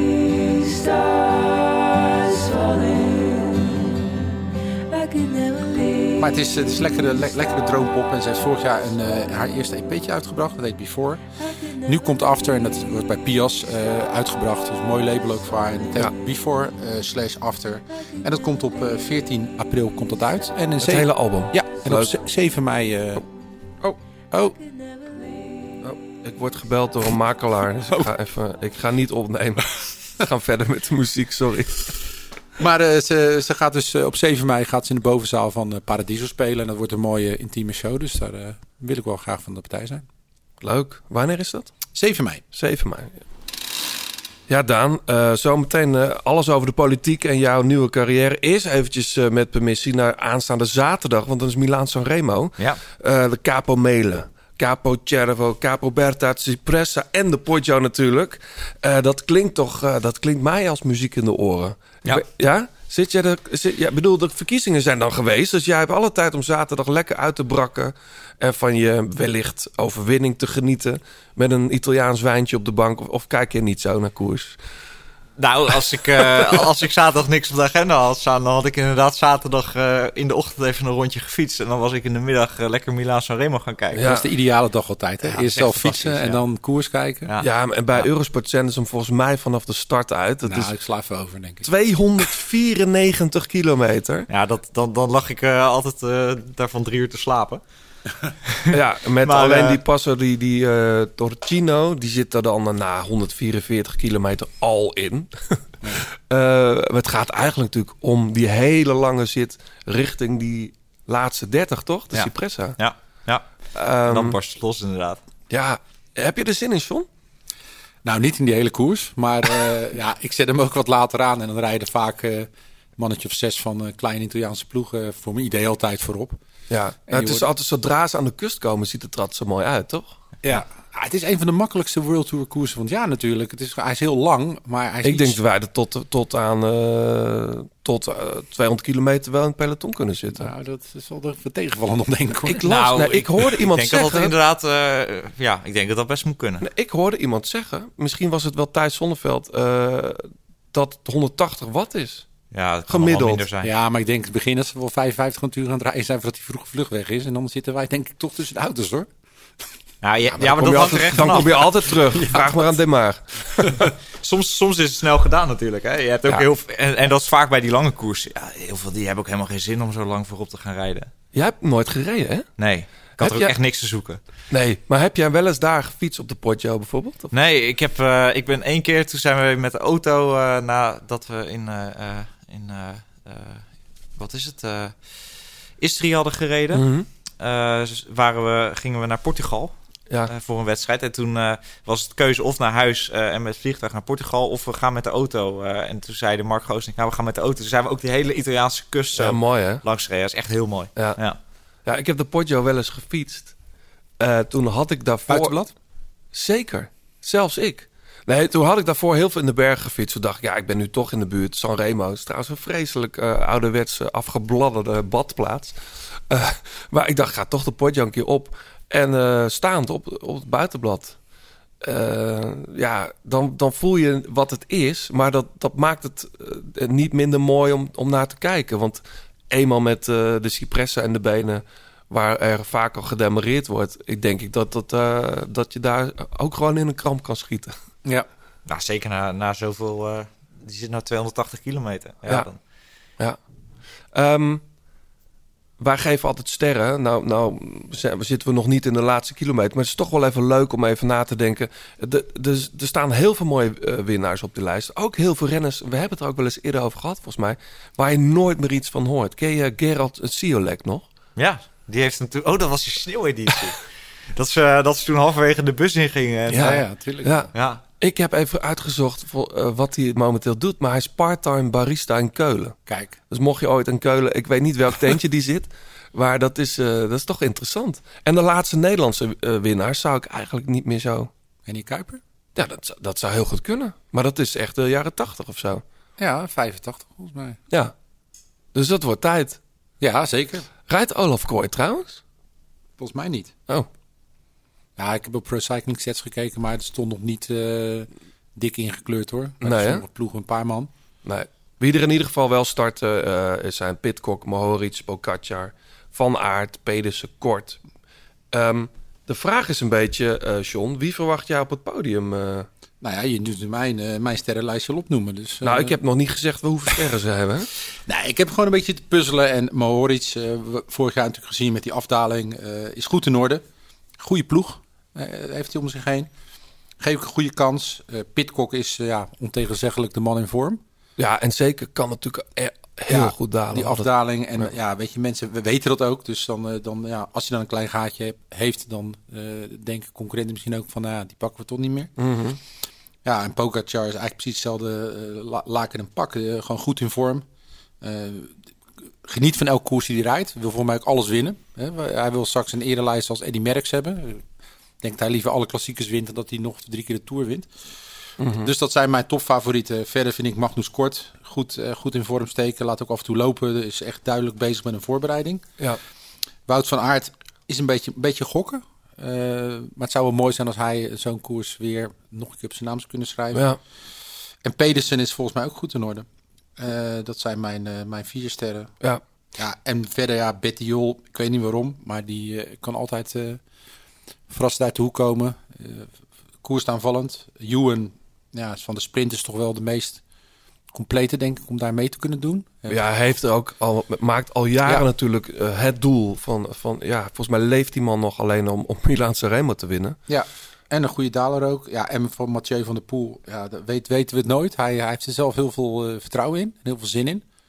Ja, hij is nog niet heel... uh, Tirreno viel hem wat tegen, begreep ik. Ja, ja, maar dit is natuurlijk een heel andere koers. Hè. Dit is je gewoon heel lang gedijst houden. En eh, je rijdt natuurlijk met zo'n wattage en hartslag naar die, naar die Poggio toe. Dat op het moment die klim begint, dan zit je al, eh, ja, zoals ze zeggen, met je rol open. Nou, je En- hebt Cipressa dan al gehad, natuurlijk. Ja, maar vooral die aanloop, dat is echt eh, een positie kiezen. En dan moet je daar nog bij de... En dan valt eigenlijk een beetje stil. Dan moet je weer over je adem heen komen. Ja. Dus eh, ik denk dat Van der Poel daar, daar gewoon goed gaat zijn. Zou die, En- zou, die, eh, zou die ook voor Philipsen willen durven rijden? Nou ja, als zij beneden komen en Philips zit in zijn wiel, dan lijkt me dat duidelijk. Ja, dan toch? gaat hij niet meer voor zijn eigen kans. Nee. En eh, ik kan het moeilijk inschatten of Philips er daar mee kan. Eh, vaak rijden drie, vier man. Ja, echt, een, echt een afscheiding boven de Poggio hebben we ook al heel lang niet meer gezien. Nee, het is een, een groep. Het is altijd een groepje. Ja, dan- was natuurlijk, gaat dan in die met, Ja. met zo'n droppenpost. En, eh, dat is grote schijven. ja. Ja, dat moet je ook maar durven. Maar ik vond bijvoorbeeld de laatste keer dat, stu eh, die, die, die keer dat Stuiven won, Mhm. waar kwamen ze ook met een groepje beneden. Ja. Eh Tur- Turgie zat daar toen nog geloof ik bij. Die wilde het gat toen niet terug. eh. Maar ja, de tijden dat iemand wegrijdt en, en, en alleen de afdaling begint en alleen binnenkomt, dat is echt wel een, een tijdje geleden volgens mij hoor. Dan zou je bijna een Nibali, regen in de eh, afdaling moeten hebben. Dan, eh, ja. ja. Ja, het is, het is link, maar ehm, ja, voor de deur vals. Dus ik, eh, ja, wat ik al zeg, dit zijn mijn, mijn sterren. Ja, ik heb nog, ja, ik ben het dan wel, denk ik wel redelijk met je eens. Ik vind wel, eh, ik zag hier Mark gisteren nog mee sprinten. Teunissen trouwens ook Mark, maar dat, dat, volgens mij liep zijn versnelling vast of zo. Eh, Ik denk, ja, daar verwacht ik toch ook nog wel wat van. Ze hebben misschien niet in de Tirreno helemaal kunnen laten zien waar, eh, hoe goed ze zijn. Omdat het daar, als er gesprint werd, was, waren het echt massasprints. Maar die zou ik zeker ook, als je meedoet aan van die poeltjes, eh, meenemen. Eh, die Jonathan Milan. Ja. Alleen al voor zijn achternaam natuurlijk. Nee, maar die is een goede doen hoor. Ja, ik weet niet of hij bergop, eh dat, of hij die, ja, hij heeft die Ja. punch natuurlijk wel. Het is een pistier, dus hij, Ja, hij kan dat wel. hoe die sprints ook wint, dat is eigenlijk een soort van eh 500 meter tijdrit die die ook Ja. weer eruit knalt. Ja. Ehm, voor, bij Ineos heb ik eigenlijk nog niet zo gezien wie daar starten. Eh Matthews zou ik ook... eh wel, Kierakowski rijdt in ieder geval, zag ik. ja, en Ganna ook, of niet? Volgens mij wel. Ja, ja die, die, het, is, het is ook wel een beetje een loterij, hè, Milaan Sanremo. Ja. ja, vooraf altijd wel en achteraf denk je, ja, dit hadden we ook wel kunnen voorspellen. Dan wint toch altijd wel weer degene die... Nee, toch? Nou, ik bedoel, Mohoric hadden heel veel mensen er wel op staan hoor, voor die Ja, voor de afgelopen jaar. Ja, Maar het, is, het is ook het leuke van Milaan Sanremo dat het zo onvoorspelbaar is. Ja. En, en dat, dat je eigenlijk een heel lange, inderdaad, een ouverture... En ik denk uiteindelijk toch gewoon de, de truc is, ja, dat is makkelijk gezegd, maar als Jumbo-Visma twee, drie mensen mee heeft in die bij die eerste 10, 11, want meestal is het een beetje dat groepje, en Laporte zit erbij en Van Aert zit erbij, ja, dan, eh, dan zou ik misschien Laporte nog wel durven, durven spelen. Ja, nou, dan moet niet de Lee of de Ewan ook mee zitten natuurlijk. Die Nee. toch net even rappen nog. Ja, en nou, als je de Lee eh, over de, de muur van Gerensbergen zou gaan, Ja, die kan wel een klim op. Dat is niet, buitenblad hè? ja, inderdaad, ja. Wel met, eh, wat was het? Ja, voor het gevoel. Ja, voor het gevoel. ik had het niet verwacht. Iedereen had hem natuurlijk als Toro favoriet, maar dat, Ja. eh, die, die deed echt goed. Hey, we, gaan, we gaan zo naar de politicus aan tafel. Eerst eventjes naar Joost Hoetemans. Ja, even terug naar het Shimano Service Center. Je kent hem inmiddels. Joost Hoetemans zit hier bij ons. Eh goedemorgen, Joost. Goedemorgen, jongens. Ehm, het voorjaar, ja, er wordt alweer gekoerst. Eh, iedereen heeft denk ik zijn fiets alweer eh uit de schuur gehaald of van zijn trainer afgehaald. Ehm, ik doe altijd een, met mijn wegfiets in ieder geval een, een winterbeurt. Want daar rijdt het eigenlijk niet zo heel veel op. Hoe, doe je, wat doe jij, John? Ehm, ja, eind van het seizoen even na laten kijken of alles goed is. En Maar wat is eindseizoen voor jou? Ja, nou ja, ok- oktober, november. Ja, precies. En dan kan hij even de, de, de schuur in. En wat moet er dan gebeuren, eh, Joost? Eh, nou ja, voor de winterbeurt. Eh, sowieso is interessant natuurlijk, eh, winterbeurt. eh, ja, ik, ik vraag meestal aan mensen als ze dat vragen, hoeveel fietsen heb je? Want wat doe je eigenlijk? Ga je, wissel je van fiets? Of ga je met dezelfde fiets ook in de winter nog naar buiten, ja of nee? Ja, op wat Eh, je laatst zei van eh, zet gewoon eh, weg, weg wielen en banden op je, op, Op je gravelbaan. gravelbike. Ja. Maar dat kan zeker, dat gebeurt ook. Maar dan moet je wel met één ding rekening houden... dat je slijtage in principe nog groter gaat worden.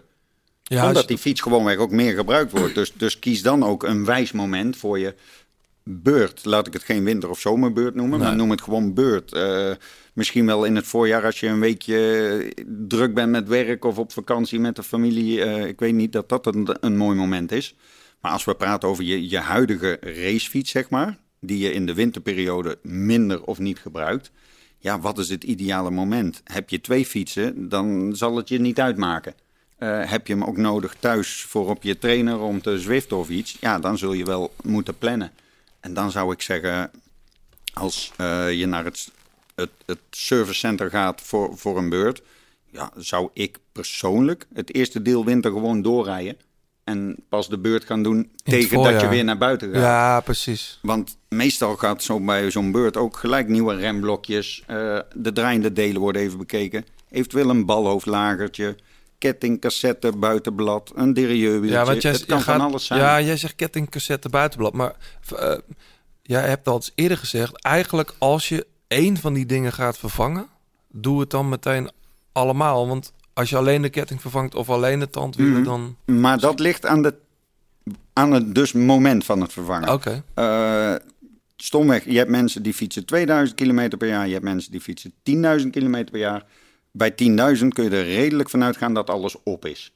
Heb je nu 2, 2.500 gefietst, dan zou je ervoor kunnen kiezen om als beurt alleen maar je ketting te vervangen. Daar gaat nog. En dan blijft de rest ook heel. Mhm. Want je buitenblad en je cassette slijt pas nadat de ketting aan het slijten is.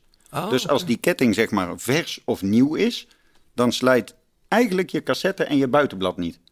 Ik durf ook met vrij veel zekerheid te zeggen dat in, in elke profploeg eigenlijk in de World Tour, dat ze met dezelfde cassettes en bladen eigenlijk het seizoen uitdoen. Qua slijtage. Want daar wisselen ze dus eigenlijk het hele jaar door de ketting. Ik noem wat, ze starten het voorjaar met een ketting. Dan gaat eh, een groepje naar Parijs-Nice. Parijs-Nice is een nieuwe ketting. Na Parijs-Nice, Sanremo zullen ze nog op dezelfde rijden.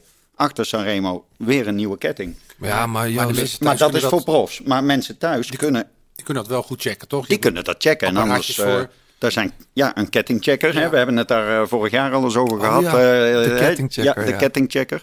Maar ja, een kettingchecker, elke goede fietsenzaak, Shimano Service Center, die kunnen voor je kijken. Dat is, dat is eh, secondenwerk. Ja, maar En die even los, hè, los van wat er allemaal noodzakelijk is. Het is toch ook altijd fijn als er even net een nieuw dingetje op je fiets zit. Toch voor die motivatie. Ja, niet alleen de motivatie, je voelt het, het is bewezen. Versleten, versleten onderdelen lopen zwaarder als, eh, als zeg maar... Nee, maar ik bedoel ook mooi, even een lekker nieuw stuurlintje. Stuurlintje is altijd goed. Het hele jaar door, eh, twee, drie keer per jaar sowieso een nieuw lintje. Ja, het is... Ja, het voelt gewoon fijner of Ja. je zit... Je Jij fietst legt ze zelf nog, hè, John? Ja, Ja. sterker nog. eh doet niemand anders voor me. Nee, hè? Nee. Nee, ik heb echt dat heel ook. pik hier. Nou, ik heb een heel goed Shimano Service Center hier in de buurt. En die doen het gewoon vrolijk voor mij. Kijk, Ja, Scheelt, kijk, eh, en dan sta ik er gewoon een espressootje naast te drinken. Dat is helemaal geweldig. luxe paard. Ja, hey, bedankt Joost. Je hebt ons eh, de, de winter weer doorgeholpen. oh, ik weet niet dankjewel, wanneer dankjewel. we, jou, wanneer we jou weer tegenkomen, maar dat komt vast goed. Voorlopig ben je er heel eventjes niet. Ik wens jou eh, alvast een heel mooi voorjaar. En wellicht zien we elkaar in de zomer weer. Dank je, dank je. Tot, eh, tot in de zomer dan, eh, zullen Ja. we maar zeggen. Tot later. Tot later. Hoi.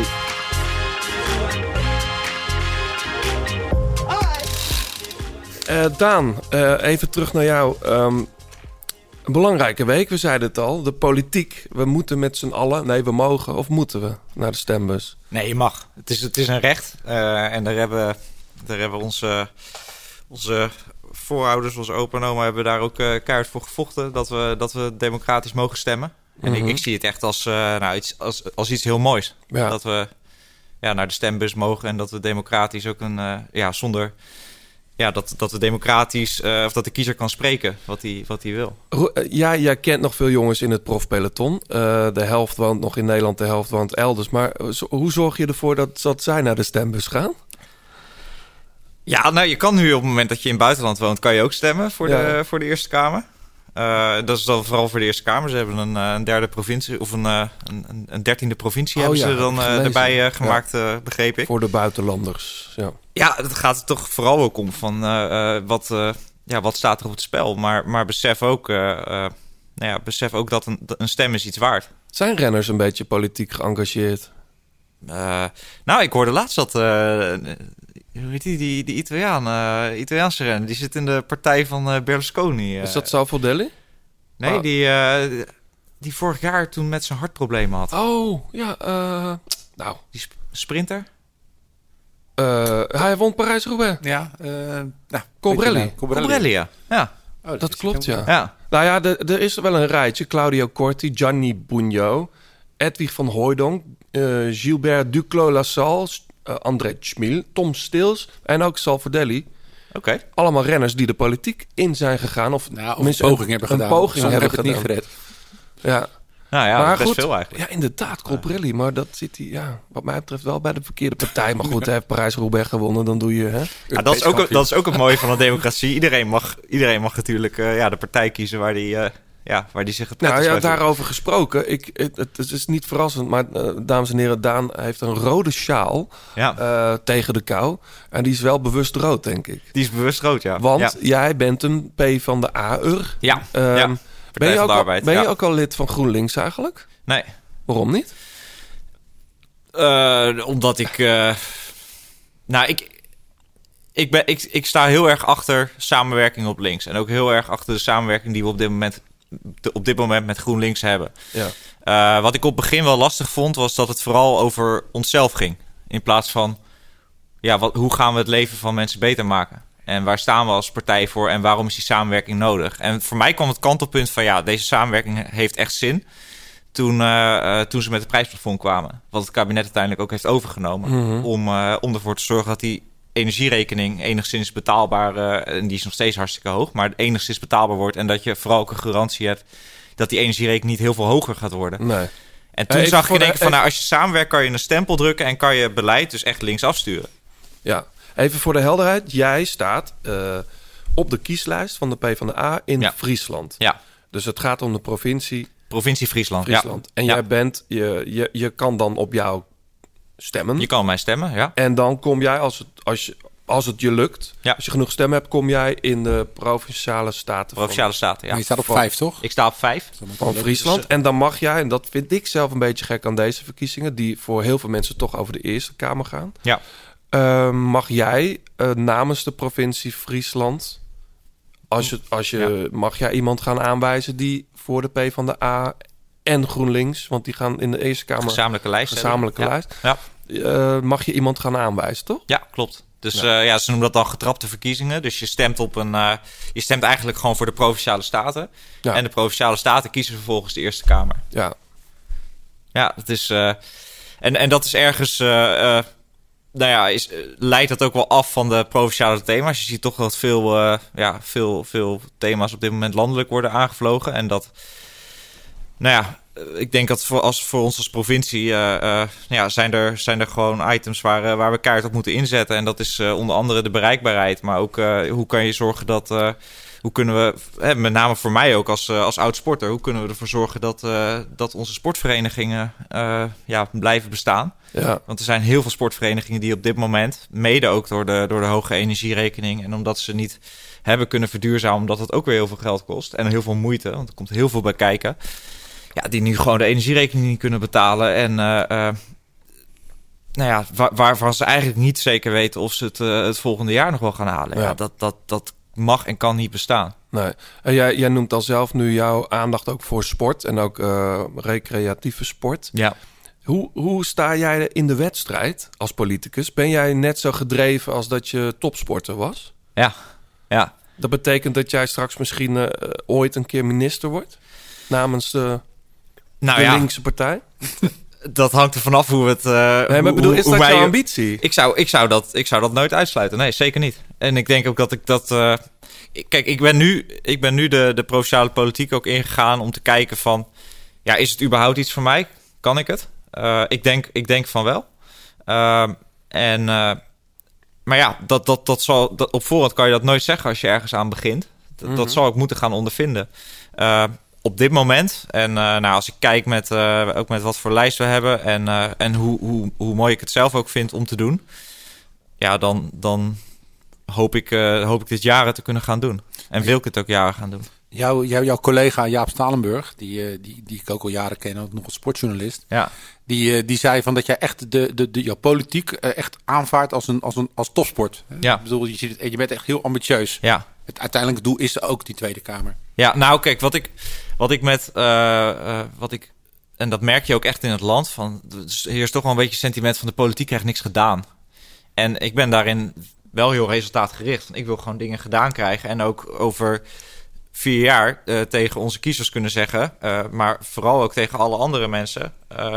dus van dit, dit hebben wij bereikt voor jullie. Eh, ik zit daar niet voor mezelf. Ik zit daar namens, eh, eh, namens de Vriezen. En dat, kunnen de, eh, dat zijn de mensen die op ons stemmen. Maar ook de mensen die niet op ons stemmen. Om dingen gedaan te krijgen. En dat... Het, het, het- het- sport gaat over het leveren van resultaten, maar ook het proces ernaartoe. Dus hè, doe je dat, doe je dat op, een, op een rechtvaardige manier? Betrek je iedereen erbij? Luister je naar alle verschillende meningen en hoor je alle stemmen en kom je vervolgens met een, met een mooie oplossing? Maar het gaat ook om het resultaat. Ja. En nou ja, ik merk nu dat het vaak wel heel erg bij praten blijft. In plaats van dat er meters worden gemaakt. Nou ja, dat, dat bedoel ik. Weet je, als topsport heb je natuurlijk alles bijna zelf in de hand. Ja, Eh, ik kan me voorstellen dat heel veel mensen, eh, jonge mensen met heel veel ambitie, bijvoorbeeld richting Den Haag zijn gegaan, richting de politiek. ja, Heel veel dingen willen, maar toch in die vergadercultuur daar uiteindelijk een beetje op uitdoven. ja. Nou, ja, er zijn, er zijn best wel voorbeelden ook Ja, van Tweede Kamerleden tuurlijk. die na twee, drie jaar zeiden van ja, dit is toch niet mijn plekje, want ik wil gewoon instant re- resultaat zien. Ja. En dat, Ja, ik, ik denk dat je, en dat, daar is ook wel een mooi parallel met, eh, met sport in te trekken, denk ik. Toen ik begon met sport was mijn doel om, om uiteindelijk profielrenner te worden. Eerst profschaatser, maar ik was minder goed in schaatsen, toen werd het wielrennen.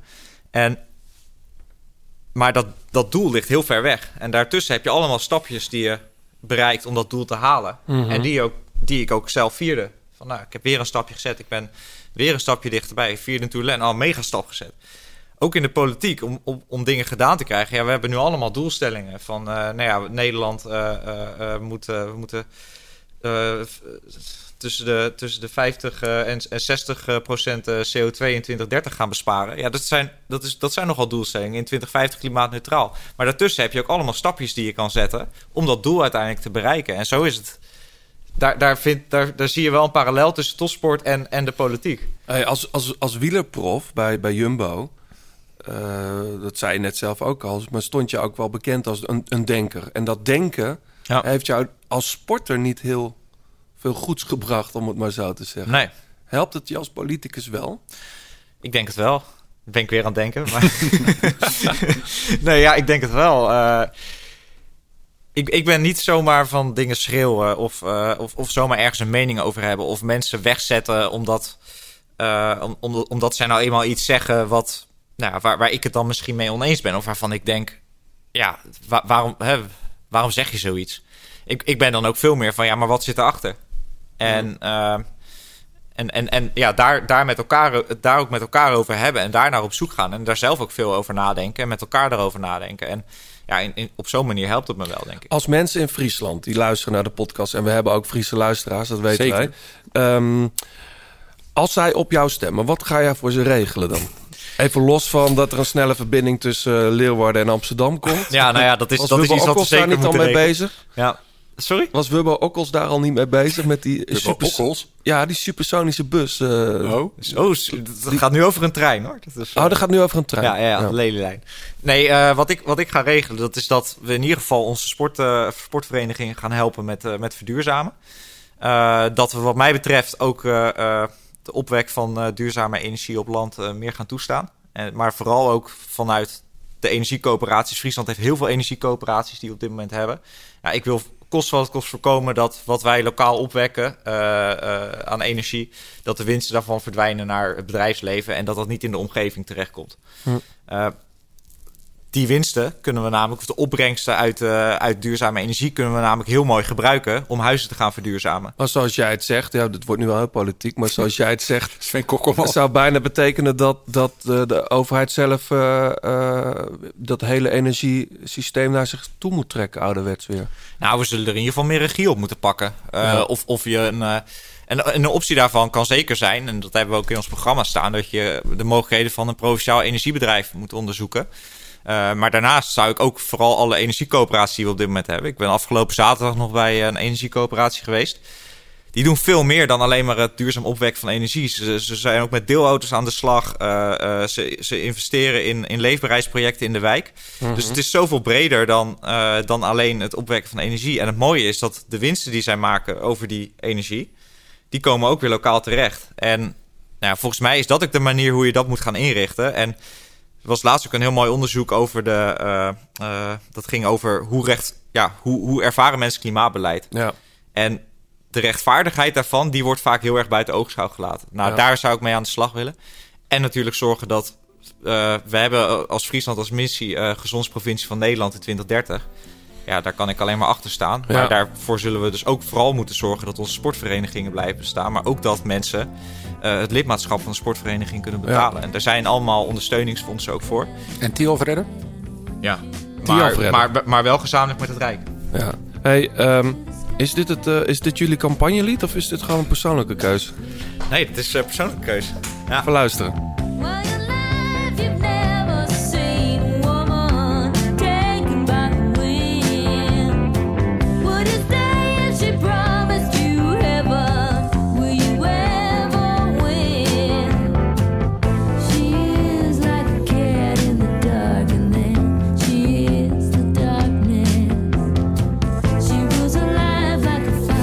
Fleetwood Mac, volgens mij viel de naam net al even. Rond dat, eh, dat boek en die, en die docu is... Of nee, dramaserie, John. Ja, John staat koffie te maken. Voor mij toch, of niet? Ah, lekker. hey Daan, ehm, ik zei net voor de grap, is dit jullie campagnelid? Maar dit is een persoonlijke keuze, Ja. Fleetwood Mac. Ja. Wanneer draai je dit? Dit draai ik vooral ook als ik eh, eh, ja, lange dag heb gewerkt. En, eh, of, of in het weekend ook wel eens op de racefiets. eh, maar als ik eventjes wil ontspannen. Wat voor fiets rij jij eigenlijk nog, vraag me af. Ik rij nu op een, eh op een Jou.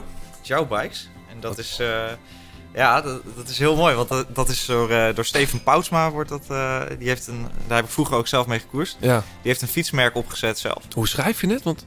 Jou van... ja, G-I-A-O. Oké. Ja. Ik ken eh, helemaal niet, John? Nee. Maar ik dacht, jij rijdt misschien nog op een oude Jumbo Visma fiets of zo. Wat race toen ik heb er Bianchi, denk ik? Ja, ja. Ja. Bianchi, ja. Eh, nee, maar ik rij op een Jouwbikes en een gravelfiets. En nou, dat is wel leuk, want je hebt in Friesland ook veel gravelpaden. En, Ja. Ja, die fiets is eh, ja, helemaal op mij afgestemd. En, eh, ja, En dan, en dan zet je dit ook nog wel eens op. Ja, zeker. Ja, want jij rijdt wel met de oortjes in. Ja. Ja. maar wel, ik heb wel de, de noise, eh, de noise cancelling eraf. Dus, eh, Ja, dat is wel zo veilig, toch? hoor, Ja.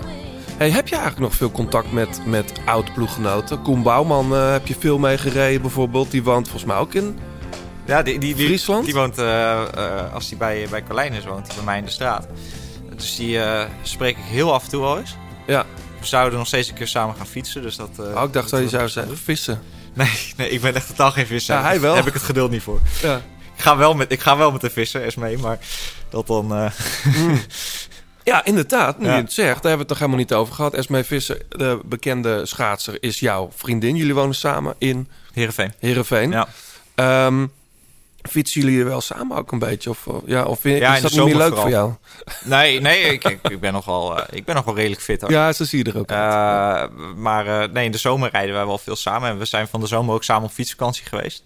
Ja. Ja, dat was ook wel heel, heel leuk. Dat, gingen we, iedere dag boekten we op de dag zelf een, een huisje waar we dan gingen slapen. En nou ja, ik, ik ben heel erg van op de Bonnefoy op vakantie gaan. Niks plannen, want plan al genoeg in mijn leven. Ja, maar zij leeft nog echt als topsporter. Ja. Is dat, is dat te combineren, een politicus en een topsporter in één huis? Ja, ja, want we begrijpen elkaar en, eh, en, en respecteren elkaar ook vooral. En Ja. ik denk dat ja, wat iemand ook doet in, in, in, in het leven, eh, op het moment dat je elkaar respecteert en elkaar, eh, ja, vooral op het moment dat je elkaar respecteert, dan kan je prima met elkaar samenleven. Ja. ook al dit- heb je hele andere levens. En dit kan je thuis gaan opzetten? Ja, d- hier, heb ik, hier heb ik een mooi verhaal bij. Nou, ja, want dit heb jij ook meegenomen. Ik had het Ja. niet, die zag ik even niet aankomen toen jij met Fleetwood Mac eerst aankwam. Nee. Franse hiphop. Franse hiphop, ja. Het Tour de Lem. Toen wel- had Oh, dit dit nummer, dat de draaiden ze toen continu op eh, Energie, de Franse, Franse Energie, ja, precies. En eh,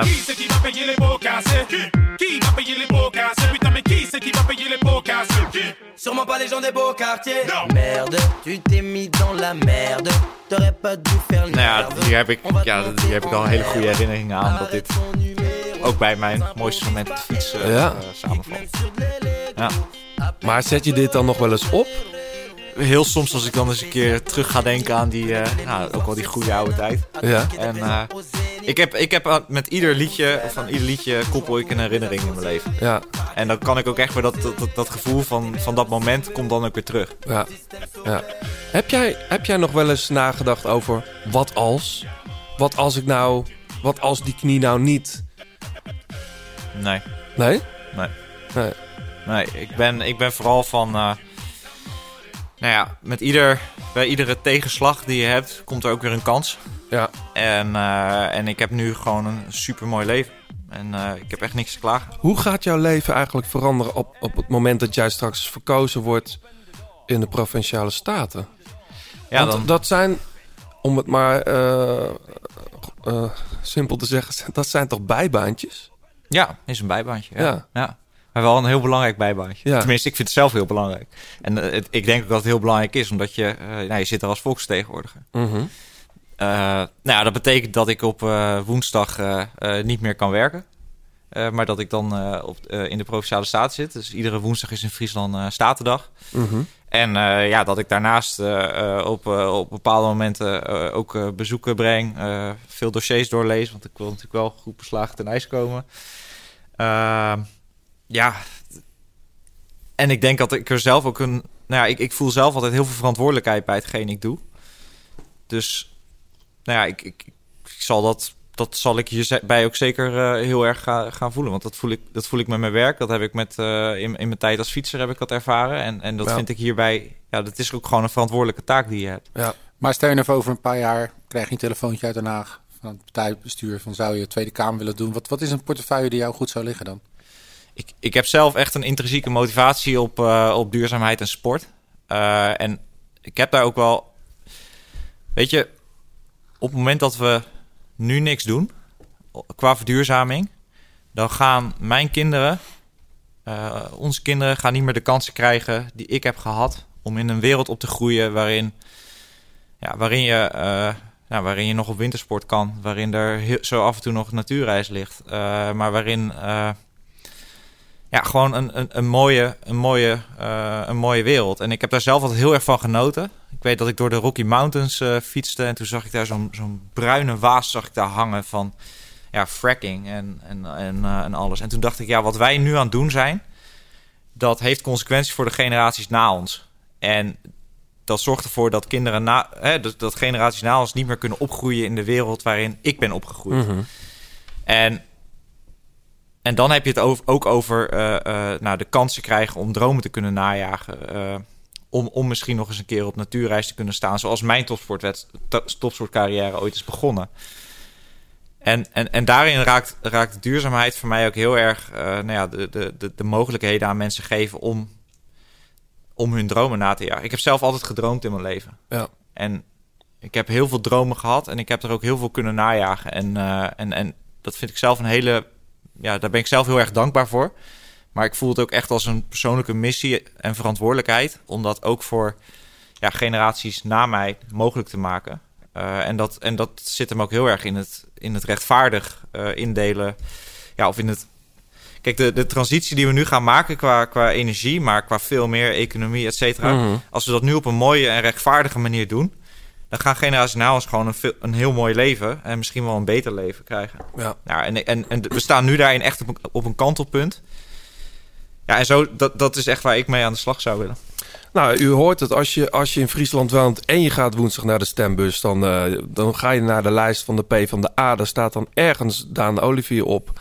Ehm, en het is een, eh, een liefhebber van Lombardije, hè, van de Ronde van Lombardije. Dat is ook een reden om op Daan te stemmen. Dat ga je meenemen vanuit deze podcast. hè? Ja, natuurlijk. Zielsverwant. Iedereen die, die de, de, de Ronde van Lombardije een van de mooiste koersen wint. Ik bedoel, en Daan heeft hem ook nog eens een keer eh, drie keer uitgereden. Ja. Ehm, Ah, ja. twee keer, denk ik. Of Oh, twee keer? Twee keer, ja. Of drie keer gestart, denk ik. Drie keer gestart, twee Ah, keer ja. uitgereden, ja. ja. Ja, man. Hey, eh, nu we het toch even over de koers hebben. Over mooie koersen. Ehm, er komt een hoop moois aan. We gaan zo naar de laatste kilometer. Dan wil ik ook nog even met jou, John, over Poka en Vinga, Vingagol eh, praten. Jonas, eh goede bekende vandaan. Heb je, spreek je hem nog wel eens eigenlijk? Nee, nee, Nee. Ik, ik spreek hem niet meer. Ik kan me nog herinneren dat toen in het... wat was het? De Ruta del Sol. Dat was toen de eerste koers die ik met hem reed. Ja. Toen, nou, de eerste, eerste twee dagen, toen was hij helemaal niet lekker door de spanning. En toen de derde dag of vierde dag, toen zag ik hem bergop rijden. En toen dacht ik echt, holy Moses, die vent is echt heel goed. Ja, vent, ventje. Ik heb ook wel eens naast hem gestaan. Maar het is, ik, ja, in de tour, de tour die hij won, eh, was hij natuurlijk in Denemarken, de koning van Denemarken, al voor de start eigenlijk. En toen dacht ik, wat, wat een soort HAVO-scholier, met alle respect voor HAVO-scholier, maar zo'n zo'n jochie, weet je. Ja, ja, echt- echt, ja. En, zo, en dat is hij eigenlijk nog steeds. Hij zit trouwens ook op een leuke manier in die docu rol in. Ehm, voordat we naar de laatste kilometer gaan, nog even dit. Je luistert nog steeds naar De Grote Plaats. Alle liedjes in deze en vorige afleveringen luister je in zijn geheel terug in de playlist De Grote Plaats Songs op Spotify.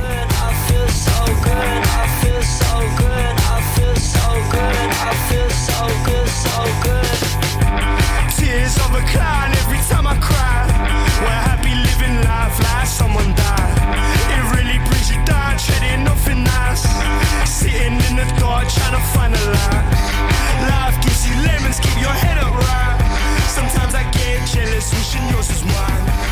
Even when you're Ja, de nieuwe Slow Tie. Ik heb hem al best wel veel eh, gedraaid. Onder- Heftige platen zitten. Dat is een hele heftige plaat, ja. Openingstrek ook heel mooi. Recensies zijn nogal eh, wobbly, om het maar zo te zeggen. Ik zag dat hij Pitchfork 5.5 kreeg. Maar ja, goed, niet dat dat heel belangrijk is. Ik vind dat... eh, het is een hele gekke plaat. Het is hip, hop, rap, rock, alles dwars door elkaar. Hij probeert ook wat te zingen.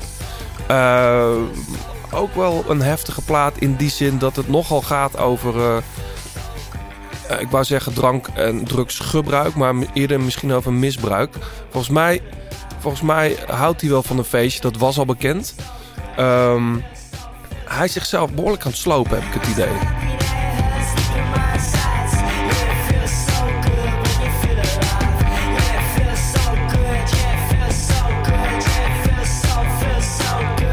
Plaat heet eh, Ugly. Eh, volgens mij heeft hij dat ook getatoeëerd onder zijn oog. Ja, boven zijn oog. Nogal lelijk. En ja, dat eh, Ja. staat er dan ook. De Grote Plaat, laatste kilometer. De laatste kilometer. We zitten in de laatste kilometer, Daan. Wat we dan altijd doen is even vooruitblikken naar de koersen die komen gaan. En nou is het niet alleen eh Milaan Sanremo natuurlijk. Ehm, volgende week de ronde van Catalunya vind ik zelf altijd een hele prettige. Zeker met dat laatste rondje over de Montjuïc in, eh, in Barcelona. Ehm, daar gaan Evenepoel en Roglic voor het eerst elkaar treffen. Ehm Geesink staat daar op de startlijst. Wat ik heel leuk vind. Eh, dan is hij er toch heel snel weer bovenop gekomen. Want die lag erin. Die lag in, eh, Australië. Under, had hij, Ja. ja. Heel blij voor hem. De Settimana Coppie, Coppie Bartali. Heeft ook een bijzondere man aan het vertrek. Pozzo Vivo. Oh, oh ja, die eh, heeft even contract. die heeft contract bij eh, het bejaardenhuis van Israel Cycling Academy. Heet dat nog zo? Ja, volgens mij wel. Nou, in ieder geval, hij past daar prima. En het is een goede renner. Eh, wie er ook staat, een vriend van de show inmiddels, mogen we zeggen. Gijs Leemreizen sta- start daar ook. Heb jij ook nog mee gekoerst of net niet? Ook niet meer. Nee, net niet meer. Nee. Ehm, het andere deel van het peloton gaat natuurlijk, eh, het klassieke deel, eh, bereidt zich voor op de ronde. Eh, waarin, wanneer is het? 2 april of zo? Ja. 2 april, Dus hè? ik zeg wel ja. Maar... Nee, het is 2 Ja. april, weet ik zeker. Ehm, die gaan eh Nokere doen. Uh, Denair komt eraan. Brugge de Pannen, E3-prijs en Gent-Wevelgem. Als ik dit zo allemaal noem, waar zien jullie het meeste uit? Ja, ik Naar vind, uit? ik vind zelf Catalonië altijd wel heel mooi. Eh, ook meer een klimkoers natuurlijk. Ja. Ik heb er zelf ook eh, één keer gereden en, eh, en in de buurt eh, gewoond.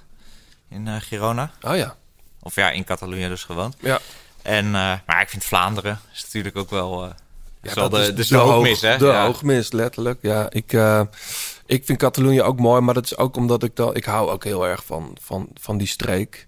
Ja. En als het daar lekker weer is en je zit in je studio te werken... en het staat als behangetje zo op, is het toch wel... Dat is toch heerlijk? Ja, ik kijk toch anders naar het koers dan jullie, denk ik. Ik, ben, ik vind de eendagskoersen toch altijd interessanter. Ik weet, ik, afgelopen weekend ook, dan is Tirreno bezig, Parijs-Nice is bezig... en dan zie ik toch Drenthe te kijken.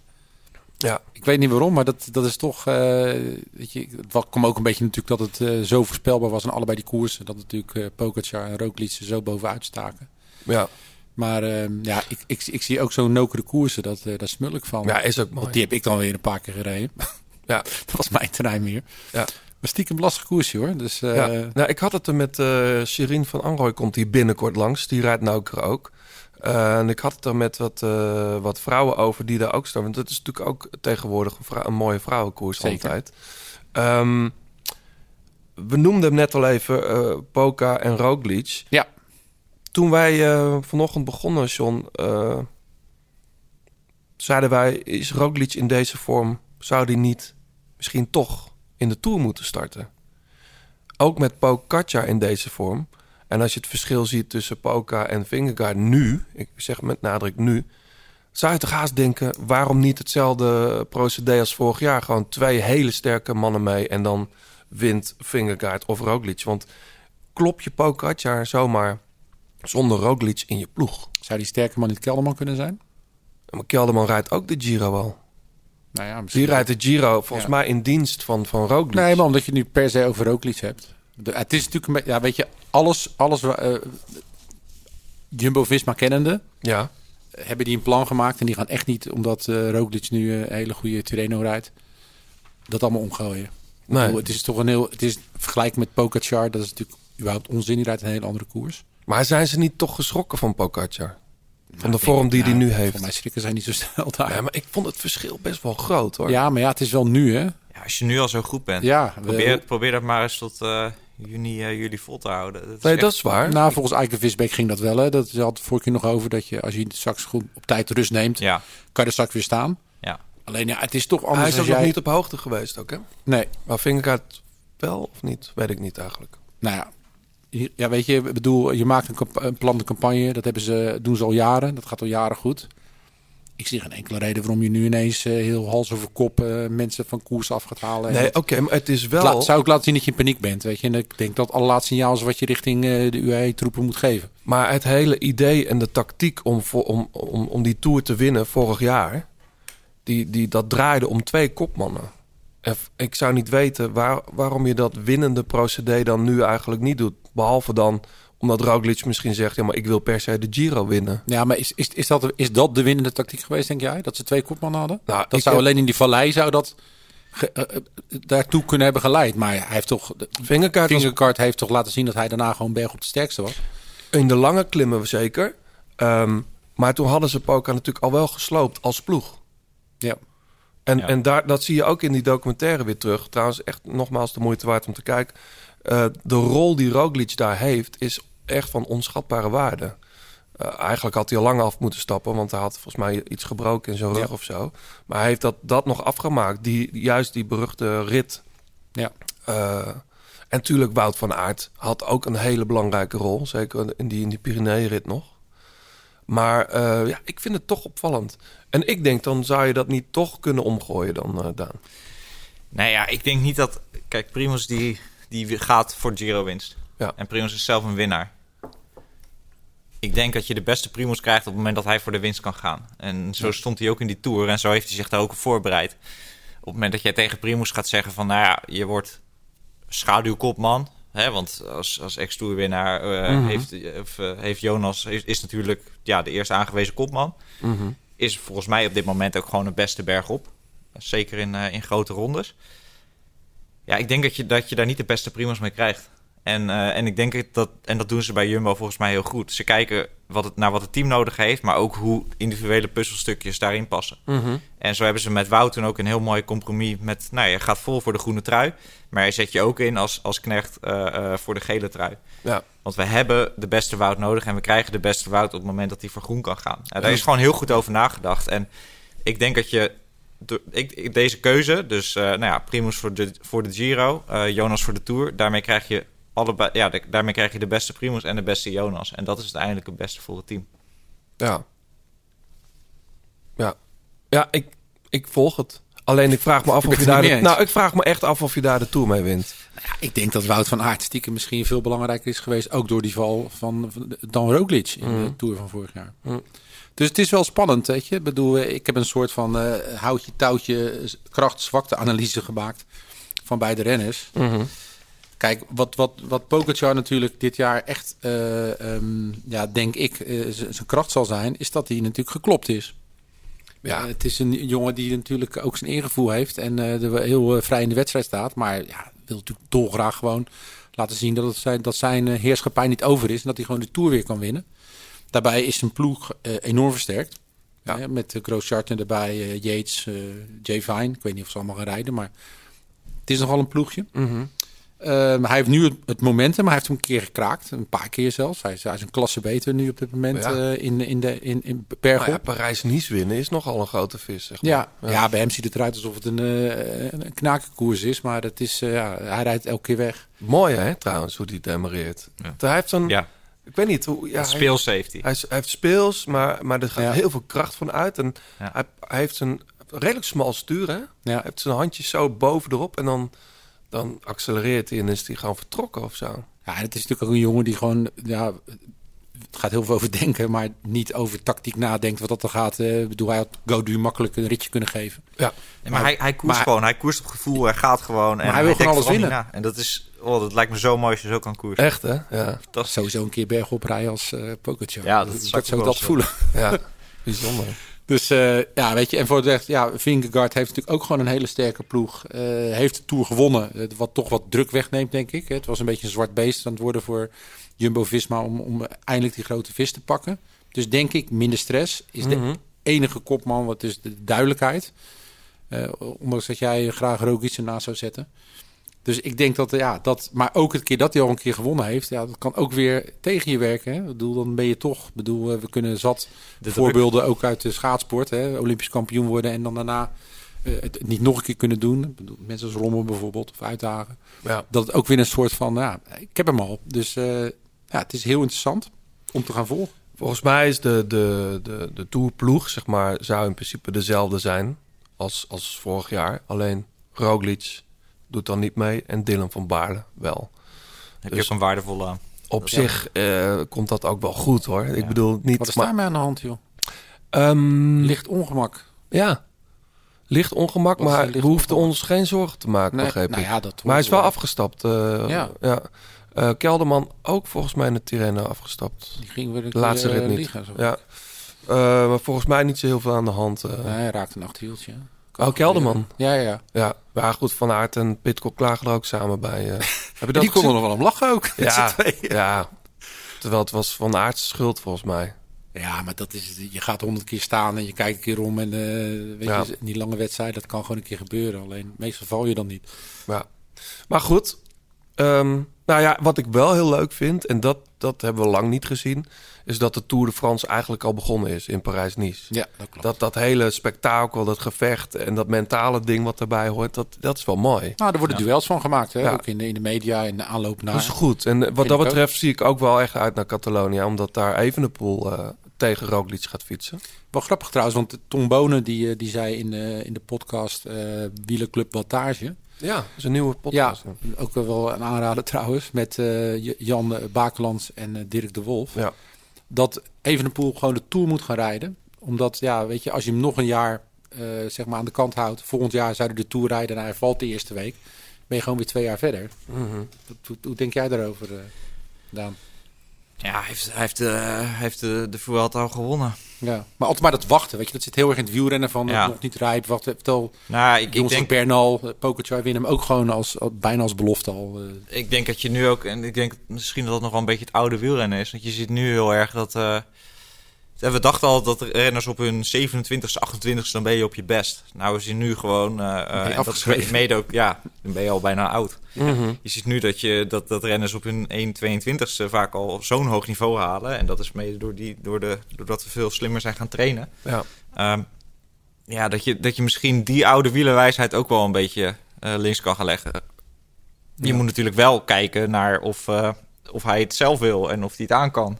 Ik bedoel, er komt bij zo'n tour komt er misschien veel meer druk kijken. Ja, dat is net hoe hij dat zelf ervaart. Maar is er iemand in België die meer druk heeft dan Remco Evenepoel? Nou, Ja, gaat volgens mij kan hij daar prima mee om. Gaat hij daar prima mee om. Ja, daarom. Het enige gekke vind ik wel, of gekke... Kijk, ik, ik vond het fantastisch ook voor hem dat hij de Vuelta won. Maar daar ging iemand heel hard op zijn snuffert, eh Roglic. En die, die was denk ik... Die was denk ik minstens zo goed geweest in die laatste week. Dus ik... Ik, ik, ja, het altijd zo zuur om te zeggen. Maar ik denk als Roglic gewoon eh, daar goed was blijven fietsen... had hij de Vuelta gewonnen. En dan hadden ze Evenepoel, eh was het een heel ander verhaal geworden. Ik denk ook niet dat Evenepoel de Giro wint. Ik denk eigenlijk dat hij nooit meer een gouden ronde. Ik schrijf hem even op, jongens. Schrijf maar op. Dat is nog wel een uitspraak. Ja, Ja. ja. maar dat denk ik echt. Dat ik denk straks- dat Pogacar en Vingegaard zijn sowieso beter. En we zullen in de Giro zien dat Roglic ook beter is. Kijk, in de tijdritten misschien niet. Want eh, dat, dat is gewoon een killer, weet je wel. Maar uh, Evenepoel... Nou, dan gaan onze Belgische luisteraars. dat geeft helemaal niks. Evenepoel is gewoon... eh, Die, die wint echt nog wel mooie wedstrijden. En dat is een fantastische renner. Maar ook hoe die wereldkampioen is geworden... Tegen wie heeft hij daar feitelijk gestreden? Dat was toch ook gewoon Tegen een peloton. Hm? Ja, Ja, dit is ik heb, echt... echt, eh, nee, ik heb toen met open mond zitten dit, kijken. is- dit vind ik eh, makkelijk. Dit. Nee, dat is niet makkelijk. Die Ik- vent, die ik- vent ik- is zo goed, joh. Ik heb juist het gevoel dat Evenepoel nog, nog veel beter gaat Ja, worden. ik ook. Dat hij zichzelf nog veel meer kan ontwikkelen. En dat hij die, die rare skrapatsen als eh 50 kilometer voor streep wegrijden helemaal niet meer nodig heeft. Die gaat, daar ga je echt nog... eh, die gaat nog jarenlang eh, Nee, grote koersen winnen en ook, ook grote rondes, denk ik. ik ben heel benieuwd. ja. Ik denk het ook. Leuk om zo'n stelling te droppen. Tuurlijk. Ja, mooi. Hey, ehm, Daan, jij moet eh, weer op campagne. Ja, Eh superleuk dat je er was. Ja, Mark. Ehm, wij hebben nog een Shimano servicebon. eh, eh, die kun je nog winnen. Als jij, en dan moet je, dan moet je gokken. Ik denk dat wij voor Vlaanderen zijn we sowieso terug. Ehm, ik denk, ja, Milaan Sanremo. Dat is de meest grote, dat is de grootste loterij, denk ik. Ja. Wie gaat Milaan Sanremo winnen? Als jij daarop het juiste antwoord hebt, kun je een Shimano servicebon winnen. Van 100 euro. Ter waarde van 100 euro. En die kun je inleveren bij een van de Shimano Service Centers in Europa, denk ik. Nou, Benelux sowieso. Ja. Ja. Ook als je geen Shimano op je fiets hebt. Gewoon voor een onderhoudsbeurt, wat dan ook. Klopt. Ehm, dan zijn we er. We gaan zo naar de toegift. Eh, Regret Me van Daisy Jones en The Six. zeker. En eh, ondertussen bedank jij nog wat mensen. Tot Ja. de volgende alvast, zeg ik. Zeker. Ehm, nou ja, Fleur Wallenburg voor het uitlenen van haar prachtige stem. Die altijd in onze lieden hoort. Pankera voor het logo van de grote plaat. En jullie natuurlijk bedankt voor het luisteren. En ehm, ja, weet je, als je iets commentaar hebt of een eh, rating wil geven, dan doe dat Ja, alsjeblieft. je kan ook ratings in Spotify geven. Niet vergeten mensen. Want er wordt veel op Spotify geluisterd ook. Alleen niet zoveel gerate. Terwijl ik weet dat jullie de podcast ontzettend leuk vinden. Kijk. Nou ja, en op Apple Podcasts natuurlijk, want daar luister ik mijn podcast op. Ehm, en die reacties zien we dus graag tegemoet. Eh doe dat dan op Instagram of Twitter. En wie weet hou je volgende keer eh, de grote plaat. Ik zit net te denken, John. Hey, verduurzaming en sport, dan zou je toch ook kunnen denken... als straks er een nieuwe naam, die komt er ooit. B van de A en GroenLinks gaan samen. Kunnen ze dan niet een wielerploeg gaan sponsoren? Nou, een politieke partij die wielerploeg sponsort zou wel uniek zijn. Maar als ik een beetje in de financiering van hè, hoeveel, hoeveel geld politieke partijen op hun bank hebben Nou, in staan, de dan wordt het wel... eh, Jumbo-Visma, die hebben het nieuwe Oxel-sponsors. Wat? Ja, juich. Oxel Heb je het niet gezien? Rexona. Dat was nog een... Nee, echt. Ik ben niet... Ik Oh, dat is wel niet. helemaal niet opgevallen. Nee, sinds deze week hadden ze dat. Maar die juichen zoveel, dat, wordt, dat is gewoon... Dat is de eh, best bekeken plek. Ja, de Oxel. Jongens, kijk hoe effectief die marketing is. ja toch. Hey, tot de volgende. Tot Daan, eh, succes. Ja, dankjewel. Regret me and I regret you. Except I don't care what you feel and I totally know do. I'm a slippage in the system with a natural gift. How So go ahead